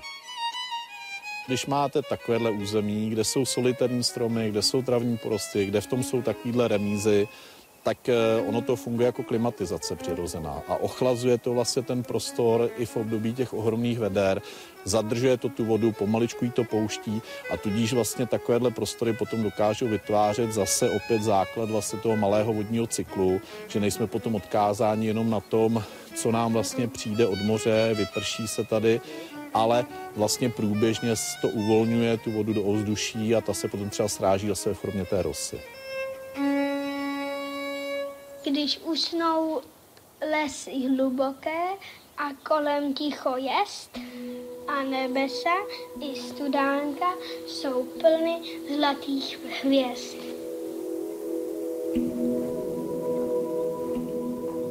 Je další historický rybník, který zde vlastně byl dlouhé roky. Takových rybníků po lesích zde bylo hodně. Ten rybník kdysi byl zničen ruskou armádou, kdy vlastně odpálili kus hráze vlastně z výpustí. Někdy před 6 rokama, 7 rokama přibližně, tak lesy České republiky tenhle rybník obnovili a od té doby, co ten rybník tady je, tak se tady objevila i spousta vlastně druhů, které zde nebyly, ať už to jsou kachny, čápy černý, volavka popelavá, ledňáčci tady jsou. Takže i ta fauna se tady objevila taková, která by tady vyloženě v ten moment bez toho rybníka nebyla. Lidi moc nekoukají na to, že ubývají třeba ptáci v zemědělské krajině, že ubývají obojživelníci a další věci. Jsme sobecký tvor, jsme tvor, který prostě moc nekouká na to, že ničí to své okolí ale to nás právě může dohnat, protože tam, kde nemůžou žít dneska ptáci, kde nemůžou žít dneska drobní savci, kde nemůžou žít třeba ty obojživelníci nebo i hmyz, tak ve své podstatě za chviličku nebudeme moct žít my. A pokud nebudeme mít vodu a bude nám chybět voda, tak nebude život ani pro nás. Bez vody prostě není život pro nikoho.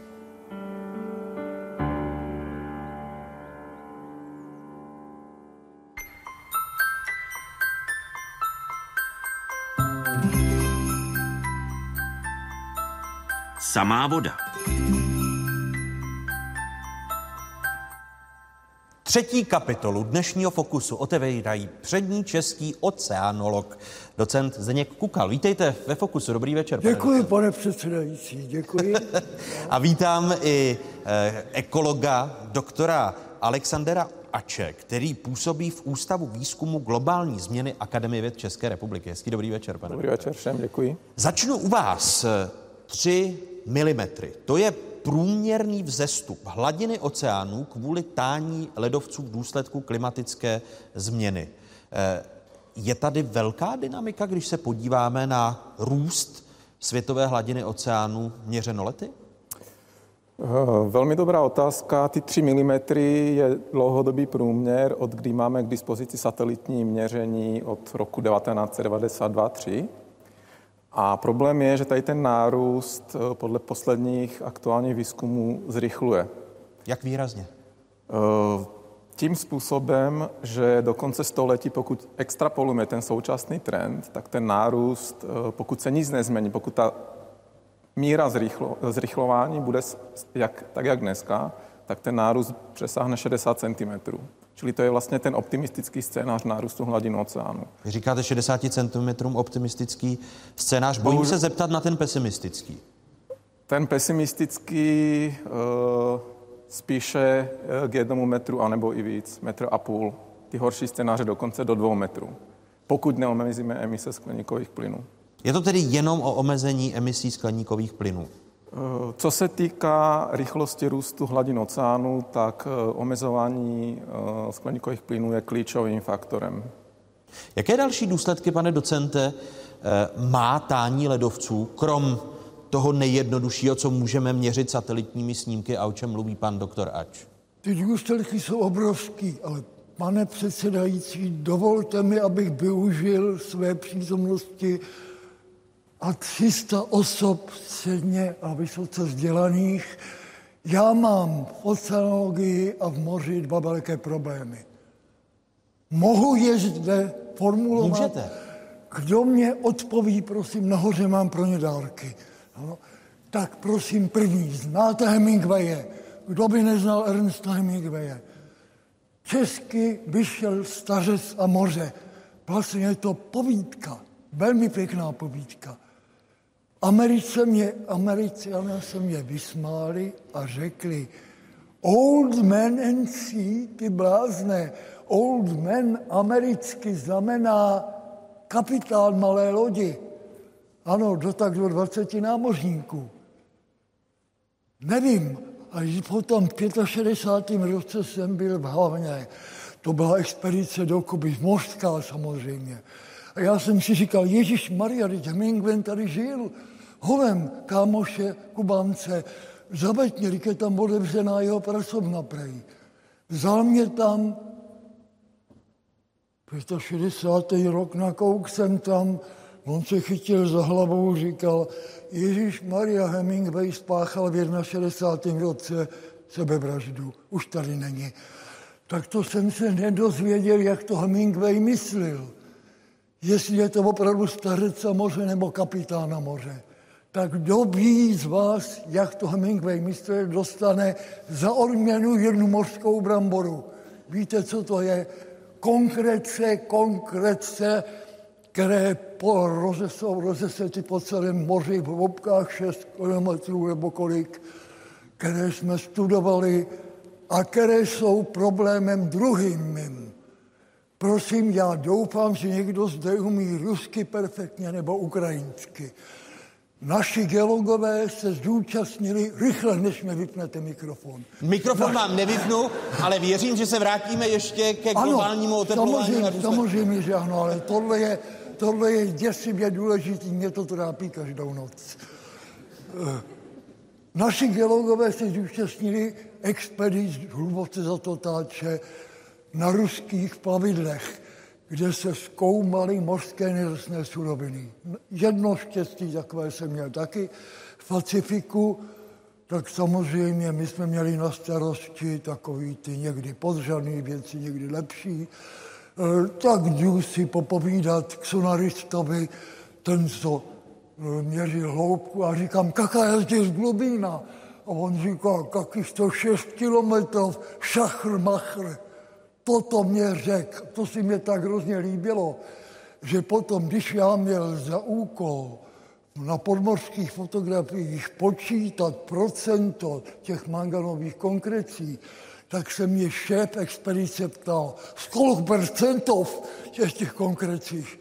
Já jsem říkal, no 40% šachr machr. Teď přemýšlím, jestli nemám nejmladší generaci, pane docente, Ne, překládat. ne. Právě z ruštiny, že jde o 40%. Ano, prosím. A já jsem mu řekl, jaký to 40% šachr machr. Ona mě začal řvát, nikdy tak negovor. Jo? A já nevěděl, Nikdy tak co nemluv. to je. A doteďka jsem se nedozvěděl, co to rusky nebo ukrajinsky znamená šachr machr. Kdo mě to řekne, dostane nahoře manganovou konkreci.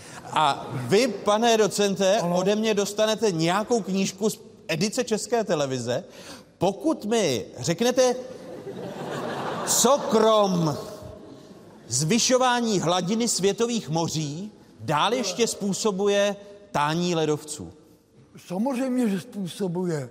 My dokonce máme krásný výpočet, kterýmu věříme. Když nám roztají všechny ledovce, tak hladina stoupne Sašo 66 metrů. Souhlasíš se mnou? Vidíte, že Je to hodně. oceanologové Mezigenerační souhlas, ano. Tykáme si. Geologové, oceanologové si tykají. Dobře, prosím, ale na jednu věc se hrozně zapomíná. Vždycky se říká, stoupání mořské hladiny, jakou to budou mít vliv, ale bude tady druhá věc. Když ty zatracený kontinenty nám stoupají a klesají, Někdy na tom doplatějí hrozně nejhůř na světě je Bangladeš, prosím, kde Ázie klesá.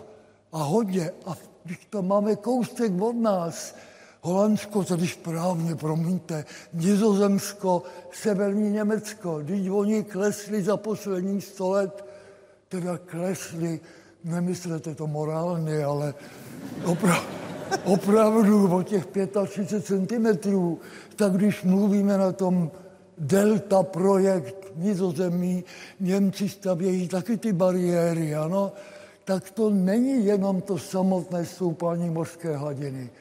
Teď samozřejmě je to klimatické změny, ale klimatické změny ovlivňují teplotu mořské vody. A ona, ta zatracená mořská voda, každým tím desetinou, setinou stupně zvětšující objem. Takže se říká, že takových 15-20 stoupání mořské hladiny je způsobeno právě tím oteplováním. Když jste teď dal do souvislosti pokles, přirozený pokles pevniny do toho stoupání ano. světových oceánů, my tedy pouze rozumíme vám oběma, vašim slovům, můžeme zmírňovat následky, protože je to neodvratný proces. Ano, pane doktore? Je to tak? Je to tak. Dokonce několik století ten nárůst hladin oceánu, i, kdy, i kdyby se zastavila, zastavil nárůst glo, průměrné globální teploty, tak hladina oceánu bude růst ještě několik století. Eh, vy jste, pane docente, mluvil o těch změnách, které se dotýkají organismu. Co možná adaptace těch organismů na ty, na ty změny? To záleží na tom organismu. Nejvíce mluví o korálových útesech samozřejmě. Říkáme, korálové útesy to mají sečtené. Korálové útesy potřebují teplotu od 25 do 9% teda, pardon, stupňů Celzia, ano. Měl jste mě opravit, prosím. To bych si nedovolil. Já přemýšlím nad Sašerem Machrem, abych dostal ano. vaši cenu. Ano, to znamená, stoupá ta teplota, tak nevydrží. A salinita, potřebují normální salinitu, trpí, když se zvýší salinita kolové útesy. Oni jsou choulostiví na suspenzi, kde řeky přinášejí spoustu suspenze, korálové útesy trpí. Trpí a, i a biologicky. Nezapomínáme přes eh, ty korálové útesy na jiné eh, živočišné druhy a jiné organismy, pane doktore Ači? Eh, ty důsledky samozřejmě nebudou jenom na korálové útesy, ale ty jsou takové ty bioindikatory zdravotního stavu oceánu. Představme si, že ty korály je něco jako tropické lesy na souši. Ty korály, pokud pokrývají jednu desetinu povrchu oceánu, tak se v nich hromadí kolem 25 biologické diverzity, rozmanitosti uh, vlastně uh, živočišných druhů. Takže opravdu ty korály právě si zasluhují tu pozornost. A bych jenom uh, doplnil, co bylo řečeno, že za posledních 100 let se zvedla průměrná teplota o jeden stupeň. Pro ty korály, pokud ta globální teplota se zvedne ještě o dalšího půl stupně až jeden stupeň, tak ty prognozy říkají, že v nejlepším případě zachráníme tak polovinu koralových útesů. Ty horší scénáře říkají 90%. Můžu ti skočit Určitě. Řeči. Neříkej korály, říkají korálové útesy. Hlubokovodní korály, které nepotřebují fotosyntézu, jsou i v hloubkách několika set metrů. Přesně tak. A tam jde také o neodvratný, já už se bojím položit další otázku, ne, o neodvratný jev, že korálové útesy do budoucna tedy zmizí. Čím dřív se nám podaří omezit emise, což se nedaří, bohužel zatím, tak eh, tím ty šance na jejich přežití. Ale v čem je problém? Korálové útesy tu byly miliony let, a i v minulosti byly přirozené změny klimatu, jak jsme slyšeli, ale největší problém je rychlost změny. Ono, lidi si řeknou jeden stupen za 100 let průměrná globální teplota, že to nic není, ale bohužel taková rychlost, tak jak ji pozorujeme opravdu v historii, bychom jenom těžko hledali. Mluvíme se o globální teplotě. A proto, když ta změna bude pomalejší, tak je Přesně zde tak. větší Přesně. míra adaptability. Přesně tak. Nejen člověka, ale právě i dalších živočišných druhů. Dobře. Je to naprosto. Ano, souhlasím naprosto. Nebudu skákat do řeči, sobě skočím do řeči teď. Není to tak dávno, co mluvil náš slavný Zikmund, 95 letý, myslím, ano, že pojede na Maledivy. A říkali mu, televizi, v rozhlase, v novinách. Rychle jeď, když jak stoupala tak hladina, tak to zatopí. Ale pozor, právě u Maledis, to jsem se, nebyl jsem tam, ale dočetl jsem se to, jsou ty větvené korály. A představte si, že ty větvené korály rostou rychlostí 1 cm za rok. Tak Maledivy budou uchráněny, i když stoupne ta hladina o ty 3 mm. Ano? Tak s tím tím počítejme trochu. Korály jsou různé, korálové útesy různé. Korál máme větvený, korál máme masivní, který vypadá jako koule. Korál máme, ten se mi líbí vůbec nejvíc, který je rozbrázděný jako lidský mozek. Řekl jsem si, Hergo, toho bych chtěl. Když se bavíme o změnách klimatu, tak větší množství intenzivních srážek, jeden důsledek. Větší riziko záplav, ale růst teplot, jak o tom tady zatím byla řeč, a také v některých momentech sucho. To podle studie Evropské agentury pro životní prostředí čeká Evropu eh, v důsledku probíhajících klimatických změn. V střední a východní Evropě mohou na jaře a v zimě hrozit četnější a intenzivnější záplavy, a to v důsledku většího množství zimních srážek. Letních srážek bude naopak ubývat. Nebezpečí pro tuto oblast představují častější teplotní extrémy. Dalšími předpokládanými dopady je například zvýšení rizika lesních požárů a obecně výskytu sucha. To je problém i středozemní oblasti, tedy jižní části Evropy, která se již potýká s vyššími teplotami a klesajícím množstvím srážek. Tyto jevy zvyšují poptávku po vodě v zemědělství. Předpokládá se i větší boj mezi odběrateli vody. Oproti tomu v severozápadní Evropě může vzrůst riziko pobřežních záplav, které souvisí s růstem mořské hladiny, stejně jako riziko říčních záplav způsobených silnějšími intenzivními srážkami. V severní části Evropy zase můžeme očekávat více než průměrný růst teplot, a to zejména v zimě. Odborníci předpokládají, že se rovněž zvýší roční množství srážek, zároveň ale bude ubývat sněhu a ledu na povrchu tamních řek a jezer. A i v arktické oblasti, kam je zařazen Island, bude nadále tát led. Tedy ten pokrývající severní ledový oceán.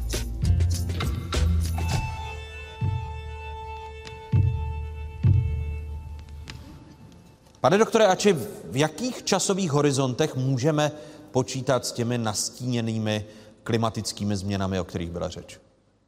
Bylo to tam pěkně shrnuto. V podstatě jde o to, že ty trendy už pozorujeme a čím dále do budoucna bychom se dívali, tím eh, větší, větší výraznosti vlastně budeme, budeme svědky. To znamená, pokud se bavíme například o růstu extrémních teplot, tak eh, v současnosti průměr pro Českou republiku za rok máme nějakých 15 až 20 tropických dní, to znamená dní, kdy maximální teplota vystoupí na 30 stupňů. V nadcházejících 10, 20 až 30 letech tento trend, ten průměrný počet tropických dní bude někde kolem 30 až 40, to znamená téměř dvojnásobení počtu tropických dní. Čili ten nárůst té extremity, a pokud bychom šli zase dálo několik desetiletí, tak, tak se to bude zvýrazňovat. To znamená i ty extrémy, i ty extrémní srážky, extrémní sucho, tak postupně vlastně ty důsledky, které už částečně pozorujeme, nejenom u nás v Jižní Evropě, v Severní Evropě, tak, tak se budou vlastně zhoršovat, pokud nenastoupí zase ta, ta snaha, pokud se to globální společenství nedomluví na tom, aby nějakým způsobem, bohužel je to problém, jak jsme viděli, ta snaha například nahrazovat biopalivy nefunguje, to byla jedna z motivací, ale prostě je to špatný způsob, takže zatím se to nedaří. Stejně tak se máme připravit na častější situace, eh, jakou jsme zažili v únoru, kdy v Arktidě bylo tepleji než v Evropě? To byla opravdu velmi zajímavá situace.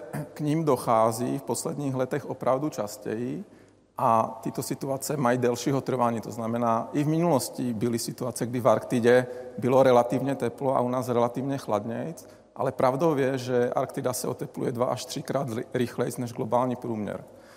E, čili k těm situacím, kdy v Arktidě bude, bude teplo a u nás chladnějc, relativně chladnějc, tak bude přibývat až do chvíle, kdy i v Arktidě bude natolik teplo, že vlastně ten vzduch, který přichází z, z těch severnějších oblastí, nebude tak, nebude tak teplý a vlastně nebude tak chladný a u nás vlastně nebude tak, tak chladno. Čili, čili ten trend tu je, že těch situací přibývá. Růst hladiny světových oceánů v důsledku klimatických změn, respektive tání ledovců, eh, je ta nejvíce alarmující změna, kterou vy jako ekolog považujete za nejdůležitější v souvislosti s klimatickými změnami, nebo jsou nějaké ještě víc alarmující a jsou pod povrchem? Já si myslím, že to tu už odznělo. Já si myslím, že z pohledu mého jako ekologa nebo člověka, který se zabývá i těm studiem důsledku změny klimatu, tak, tak si myslím, že je to právě ona migrace.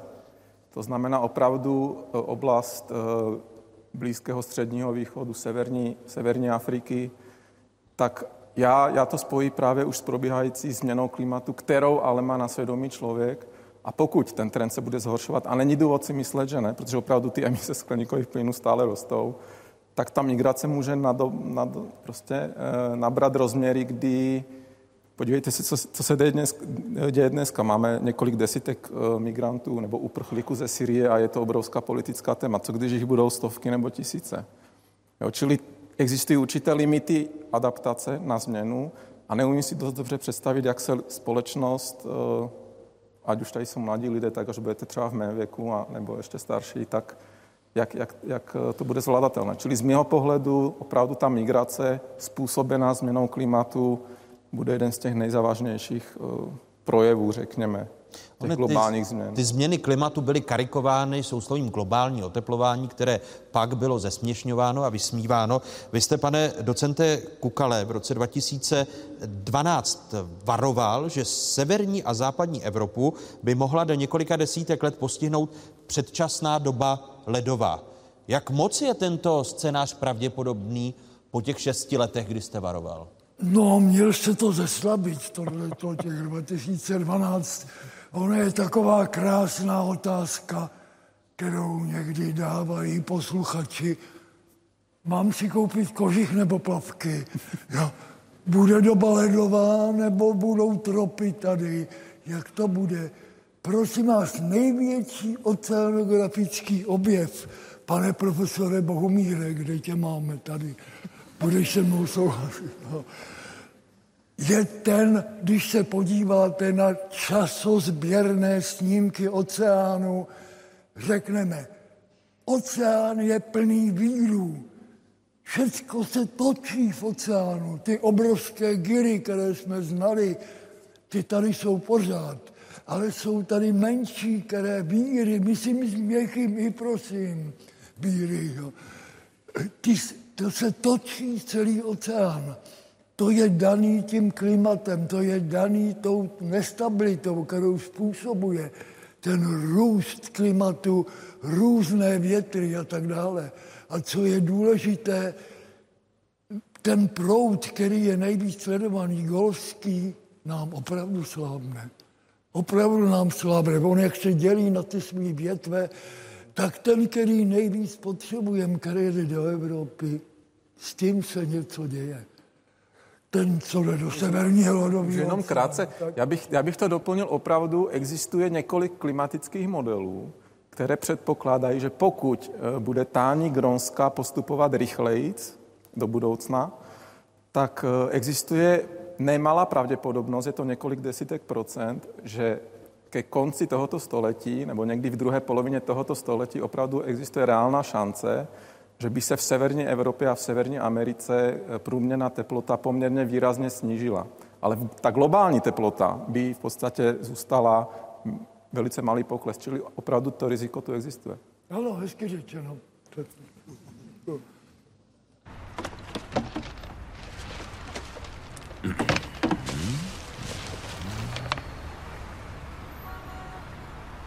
Hmm.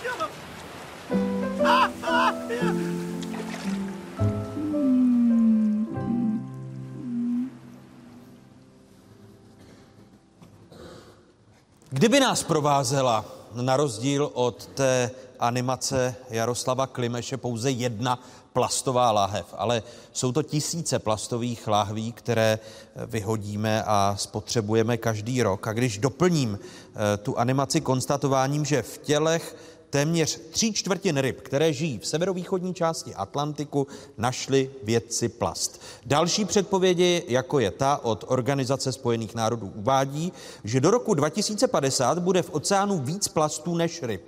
Jak jste, pane docente Kukale, v průběhu těch eh, vašich let, co jste zkoumal oceány, eh, vnímal právě znečištění oceánu? To je děsivá představa. Ty plasty, no my řekneme, podobě železný a tak dále. Máme tady dobu plastovou. Co bychom dělali bez plastů? No jistě, ale sem kam se ty plasty mají dát? Čtvrtina plastů, které vyrobíme, končí v moři. Je to odhad, ale něco na tom je. A to, co se stalo dneska, díky taky těm bírům, girám, které vlastně přitahují do sebe tu nečistotu. Dneska máme takzvané oceánské popelnice. Pět oceánských popelnic, kde je skutečně víc plastů než ryb. Jeho, jeho pacifická, severopacifická, indická, Indický oceán a dvě atlantské popelnice. Pro představu, jak rozlehlé jsou? Když sečteme, jenom ty první atlantské jsou přesně, no přesně ne, ale mají plochu Francie a Německa dohromady.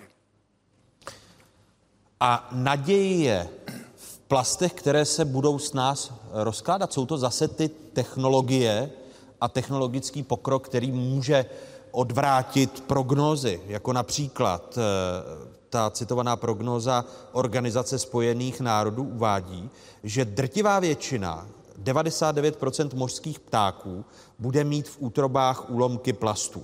Nebo dokonce, jak jsem zmiňoval, že v oceánu bude v roce 2050 víc plastů než ryb. Děsivá, prosím. To bude proto, že, že nebudou ryby. Ne. Jo, vylovíme ryby a ještě si to zaneřádíme těmi plasty. Takže tam jdou ty, ty dvě tendence, ty dva trendy proti sobě. Eh, dobře, prosím vás, zapomíná se na jednu věc. Oni říkají, podívejte, necháme plast na slunci, až sem přijdu, za 200 let bude po něm. No jo, ale když oni ty plasty jsou přikrytý tou mořskou vodou, oni nejsou přímo na, na povrchu. Oni jsou maličko několik milimetrů pod povrchem, co má to sluníčko dělat. Takže ten odhad je, že ty plastky degradují, jak říkáme. Až degradujeme, tak to bude trvat, no, říká se, tak 20 tisíc let možná. Eh, pro tu kvalitu vody eh, je, je možné a máme Pane doktore, takové technologie, o nich jsem mluvil, rozkládatelnější plasty, které nebudou degradovat e, tisíce nebo dokonce desetitisíce let, jako to mluví pan docent Kukal.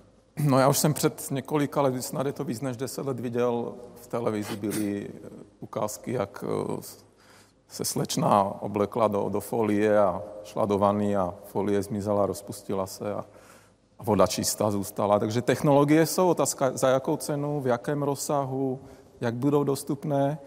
A ještě bych chtěl upozornit na takový ten technooptimismus, ke kterému se uchylujeme v mnoha oblastech, ať už energetika, nové materiály, já nevím, nahrazování materiálu, které nám obývají, fosilní zdroje a tak dále, tak já se obávám, že pokud, pokud bude primární cíl všech politiků pokračování eh, ekonomického růstu, to znamená růstu spotřeby a růstu výroby, tak, tak ty technologie jsou jenom doplňkovou pomocí. To znamená, nemůžou vyřešit ten rostoucí, ten exponenciální růst, který pozorujeme.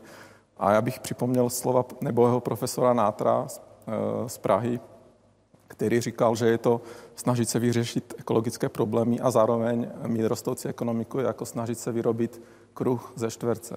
To je v podstatě velmi problematické. Myslíte, že ten technooptimismus je faktor, eh, který je možné považovat za naše alibi, že se nechceme chovat odpovědněji, k čemuž vyzýváte? Přesně tak.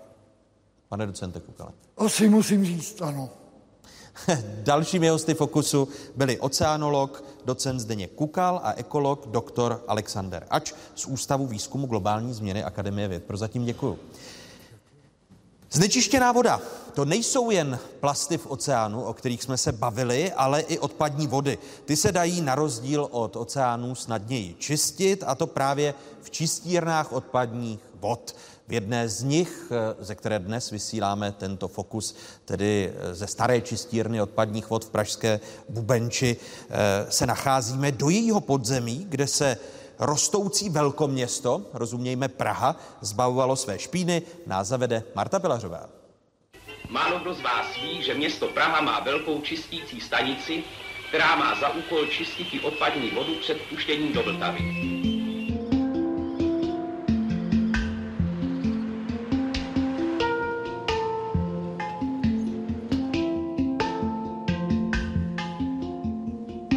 Vlastně dneska přijde normální, že z kohoutku teče čistá voda a že ten náš odpad někam jako zmizí, ale ono to vlastně vždycky normální nebylo, že jo, nebo... Eh, vždycky to normální nebylo a byl to velký problém právě v těchto velkých městech v 19. století, kdy museli řešit jednak otázku kvalitního zdroje pitné vody, tak taky otázku odvodnění.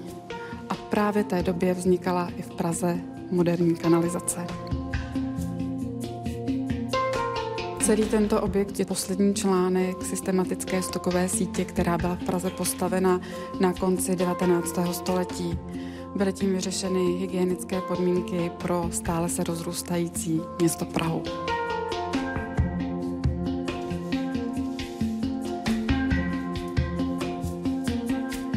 Těmito třemi výustními otvory přitékaly odpadní vody z města Prahy a tady v tom prostoru už probíhalo vlastní čištění.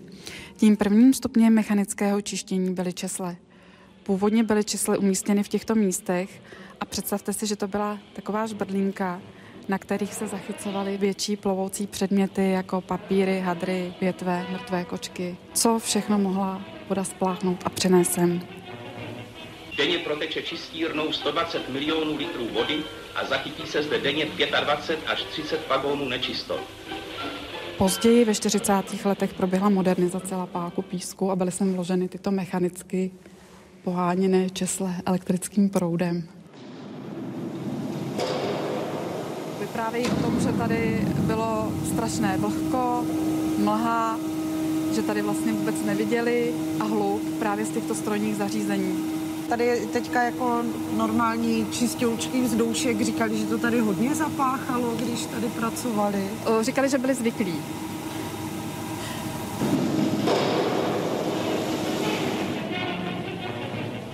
Čištění odpadní vody je velkým zdravotnickým úkolem, z něhož plyne ještě jiný prospěch. Kal, který se zachytí, je totiž výborným hnojivem.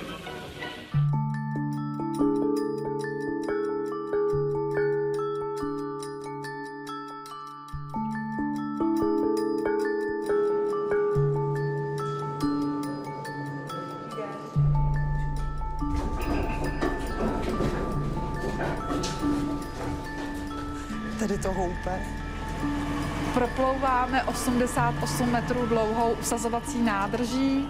V těchto nádržích docházelo k poslednímu stupni mechanického čištění a to bylo usazování jemného kalu. Technologické zařízení čerpárny neboli strojovny kalových čerpadel bylo nedávno zrestaurováno. Ten název pochází od těchto kalových čerpadel. Těmi se odsával kal, jemný kal z usazovacích nádrží a ten se dále používal v zemědělství na hnojení, takže se odčerpával buď přímo na kalové lodě, které ho dopravovali zemědělcům, anebo do kalojemů. Den co den odváží tato loď 350 tun z flašků na venkov zemědělcům, kteří s nimi hnojí pole.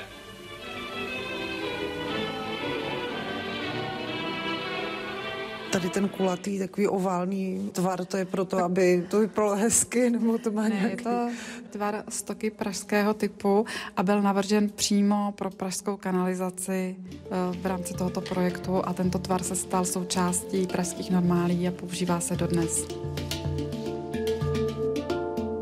Čistina teď slouží jako kulturní a vzdělávací centrum, takže tady pořádáme výstavy i vzdělávací programy a čistírnu využívají filmaři. Čistina hodně hraje ve filmech a je oblíbená.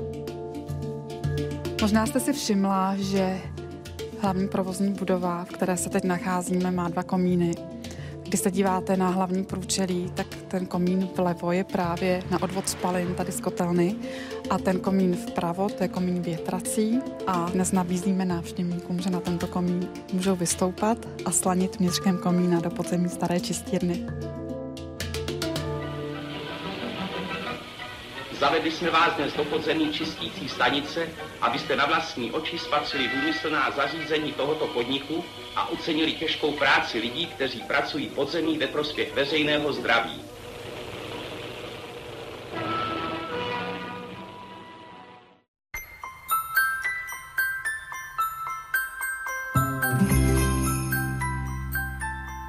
Po nás potopa.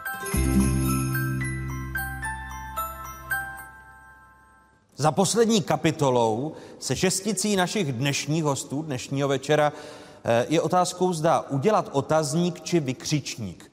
V čem jsme jiní, pane profesoro Barto, při srovnání s kolapsy těch předchozích civilizací? Pro mě je to, musím říct, spíš velký otazník než velký vykřičník. Já nejsem ani velký pesimista, ani optimista. Myslím si, že ten klíč, um, tady to zaznělo od všech vlastně řečníků, je uh, v té perspektivě. Pro mě osobně v dlouhých časových řadách, uh, který ukazují, že spousta těch fenoménů tady byla.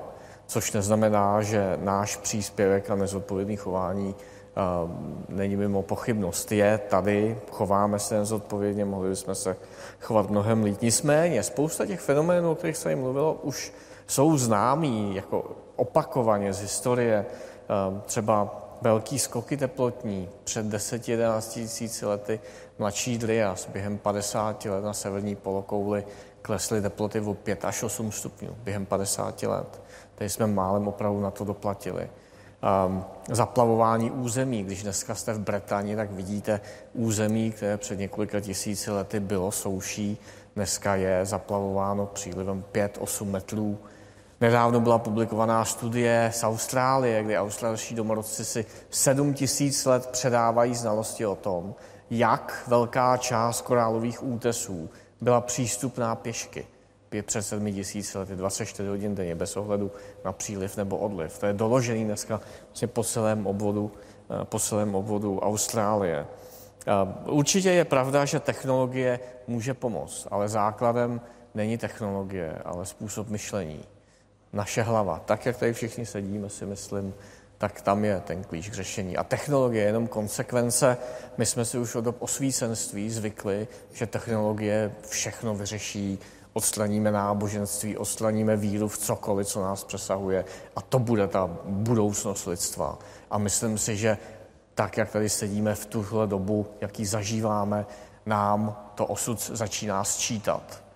Takže pro mě velký otazník a zodpovědnost každého jednotlivce, každého z nás, chovat se zodpovědně, uvědomit si, že příroda není náš nepřítel nebo předmět podmanění, ale že ji musíme pochopit a nakonec to vždycky bude tak, že ta příroda bude ten dominantní faktor, ne člověk, příroda.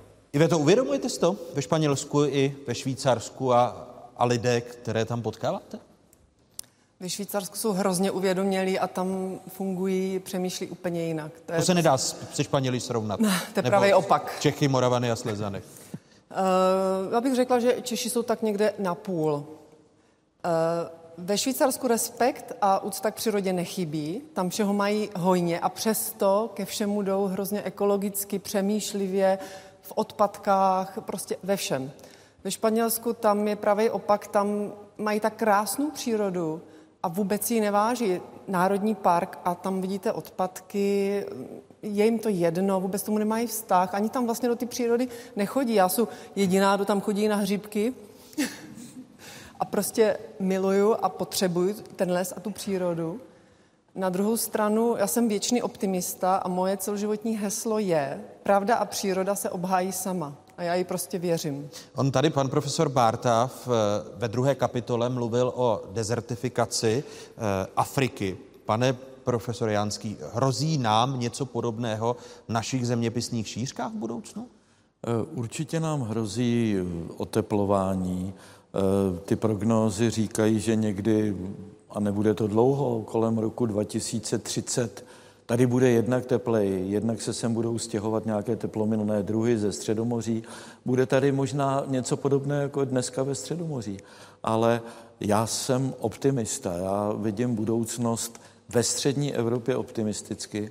Jednak máme šikovné lidi, jednak vlastně už všechno víme, jak se máme chovat a co máme dělat. Teď jenom otázka... Otázka je, jestli se tak chováme a, a jestli se na tu změnu přizpůsobujeme. A, a věřím také mladé generaci, která bude mnohem chytřejší, než byly jejich předchozí generace. A e, pokud bude ta situace vážná, tak věřím, že e, v souznění s přírodou a pomocí e, skutečně moderních technologií, že dokážeme žít na téhle planetě e, ještě mnoho let a že ty konflikty budeme schopní překonat. Jste vy, pane docente, natolik optimistický, co se týče kvality vody v našich zeměpisných šířkách a eh, ty dobré důsledky pro člověka? V tuto chvíli optimistický jsem, ale je třeba si uvědomit, že my máme ty dobré podmínky a na co my umíráme. Umíráme na nemoci srdce a CF a nádorová onemocnění. V těch rozvojových zemích, kde nemají tu kvalitní vodu, umírají na dehydrataci, infekční choroby, dožívají se krátkého věku, protože akumulace dalších těch těžkých kovů a dalších látek a umírají tam děti, velice záhy právě na ty infekční choroby a dehydrataci. A naše tělo se jistě dokáže parciálně adaptovat na ta prostředí cizí. Víme, když vycestujeme do cizích krajin, dostaneme nějaké zažívání zažívací obtíže, průjmy, ale pokud se tam přestěhujeme, tak se na to adaptujeme, přizpůsobíme se právě tomu mikrobiálnímu složení nebo složení potravy a těch tekutin. Ale z té dlouhodobé... Když jste tedy poslouchal pana doktora eh, Ače, když eh, se vrátím k té třetí kapitole dnešního fokusu, tak se umíme adaptovat daleko lépe než jiné živočišné druhy. To si nemyslím. My se jistě z, z pohledu evoluce dokážeme adaptovat na vlivy zemního prostředí, ale jak jsme slyšeli, tak ty změny budou poměrně rychlé a to se obávám, že tam ten optimismus není, že takhle rychle bychom se nedokázali adaptovat a je potřeba se chovat pro racionálně k tomu zdraví a k tomu zdravotní přírodě. E, opravdu jsme eh, tím živočišným druhem, který problém s adaptací bude mít stejný nebo podobný jako jiný, jiné živočišné druhy? Mm, já to vnímám tak, že lidé už všechny vhodná území e, obsadili. Už v podstatě není kam utíkat e, za lepšími podmínkami, které by nebyly obsazené. To znamená, lidé samozřejmě budou se snažit adaptovat a přizpůsobovat a e, pěstovat vhodnější plodiny odolné na sucho a tak dále a tak dále, využívat technologie. Ale jak jsem říkal s tou migrací, jakmile se vám dá do pohybu, to nemusí být hodně lidí. Jo? Vemte si, Syrie byla 20 milionová země, co se stane, když se dá do pohybu Egypt, kde je skoro 100 milionů lidí. Co se stane, když se dají do pohybu Číňané nebo Indové ve velkém? Kam půjdou? Jo? No, sice bude teplej na severu, ale otázka, jestli tam bude vhodnější jako prostředí, i když tam bude teplej. To znamená, ty vhodné oblasti už opravdu nejsou. A že je nás teďka 7,5 miliardy, do poloviny století už to tu odznělo 9,5 miliardy, pokud se nic nezmění. Nikdo ne, neřekl, že, že to musí tímhle způsobem. Takže ono, ty regulační mechanismy, to už taky bylo v minulosti, že, že jsme šli nahoru a dolů a nikde není napsáno, že náš osud bude muset být jiný. Asi, já naopak optimista nejsem. A... Někdo to tady musí kazit, pane doktore. Já děkuju. Takže Vy jste, měl... pane profesore Bárto, byl uprostřed. Říkal jste ani optimista, ani pesimista. Eh, ale, ale v souvislosti s tím, o čem byla řeč, tady pan docent eh, Kukal zmínil Maledivy. Říkal jste, že tam jste nebyl, ale eh, příklad Malediv, tamní vláda se snaží pro své obyvatelstvo zajistit nějakou plochu. V případě, že dojde k potopení Malediv jako takových.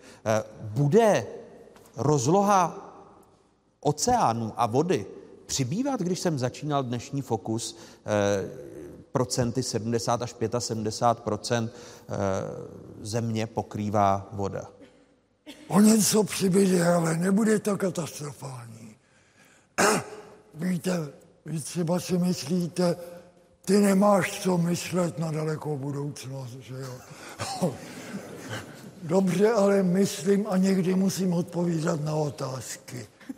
Co je, co je nejhorší, co nejhoršího nás čeká?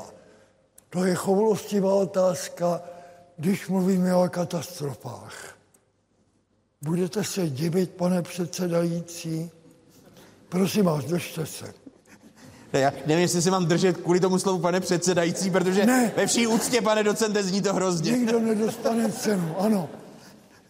Já říkám, na prvním místě je nebezpečí pádu mimozemského tělesa. To bude největší katastrofa. Víte, ono se počítá. Asteroid o 100 metrech padá každých pět let. Asteroid o tisíci metrech padá každých 200 let a tak dále. Pěkné jsou to výpočty, ale my máme pády, o kterých ani nevíme. My to v podstatě to je věc geologická, oceanografická. Vyšlo několik knih, několik studií. Prosím pěkně, máme Čecha. Máme Čecha v Kanadě, který první objevil podmořský kráter. Montaně u Newfoundlandu a jmenuje se Luboš Janza, profesor. Děsně rád s ním chodím do čínské restaurace. Ale, pozor, no co, těch pádů je daleko víc. Já to považuji za největší nebezpečí. A pozor, máme tady největšího génia oceanografie, teda kromě mě samozřejmě. A, a, a geologie, jméno znáte, Ballard. Ballard, správně se vyslovuje, Ballard, objevitel vraku Titaniku a tak dále. V Americe vzbudil obrovskou pozornost a bylo to nádherných televizí pokračování, kam z lidi, kam, kam z civilizací. Podívejte se, co nás čeká. Na moře nebo na Mars. To byl nádherný pořad, prosím. Ballard dokazuje, že budoucnost pro lidstvo je moře. A že to už... nás zaplaví. Že už, ale ano, zaplavuje, ale lidé se tam stěhují. Jenom, jenom co lidí je na platformách, jenom co lidí Tajsku, jinde, Jenom ve om- východní omlouvám, pane docente, protože ta poslední věta by neměla být zapomenuta, protože jediný, kdo nás zachrání, je Iveta Hlaváčová. Tulip, která řekla, máte se naučit plavat.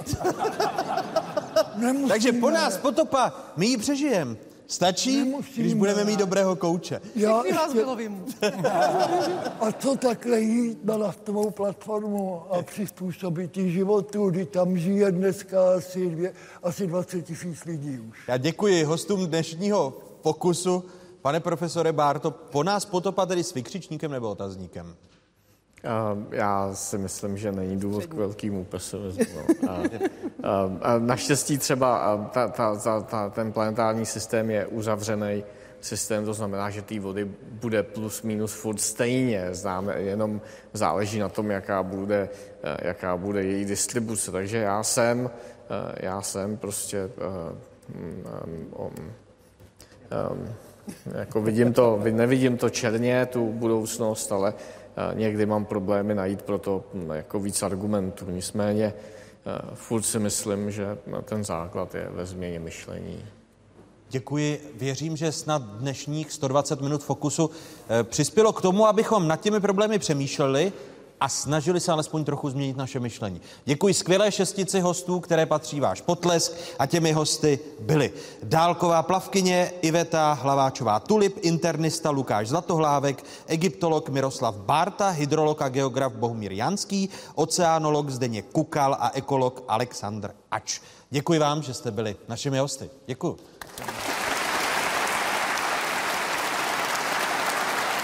Děkuji i skvělému publiku, které bylo dnes večer s námi tady ve staré čistírně odpadních vod v Pražské Bubenči. Tím publikem byli studenti a pedagogové pražských gymnází Jaroslava Hejrovského, arcibiskupského gymnázia, malostranského gymnázia, Mensa gymnázia a naše pozvání přijali i studenti a pedagogové z gymnázia v Třebíči. Děkuji i studentům a pedagogům Přírodovědecké fakulty Univerzity Karlovy v Praze a stejně tak České zemědělské univerzity v Praze. Vám všem hezký dobrý večer, dobrou noc, za měsíc u Fokusu a v průběhu celého měsíce jsme na sociálních sítích. Dobrou noc. Děkuji.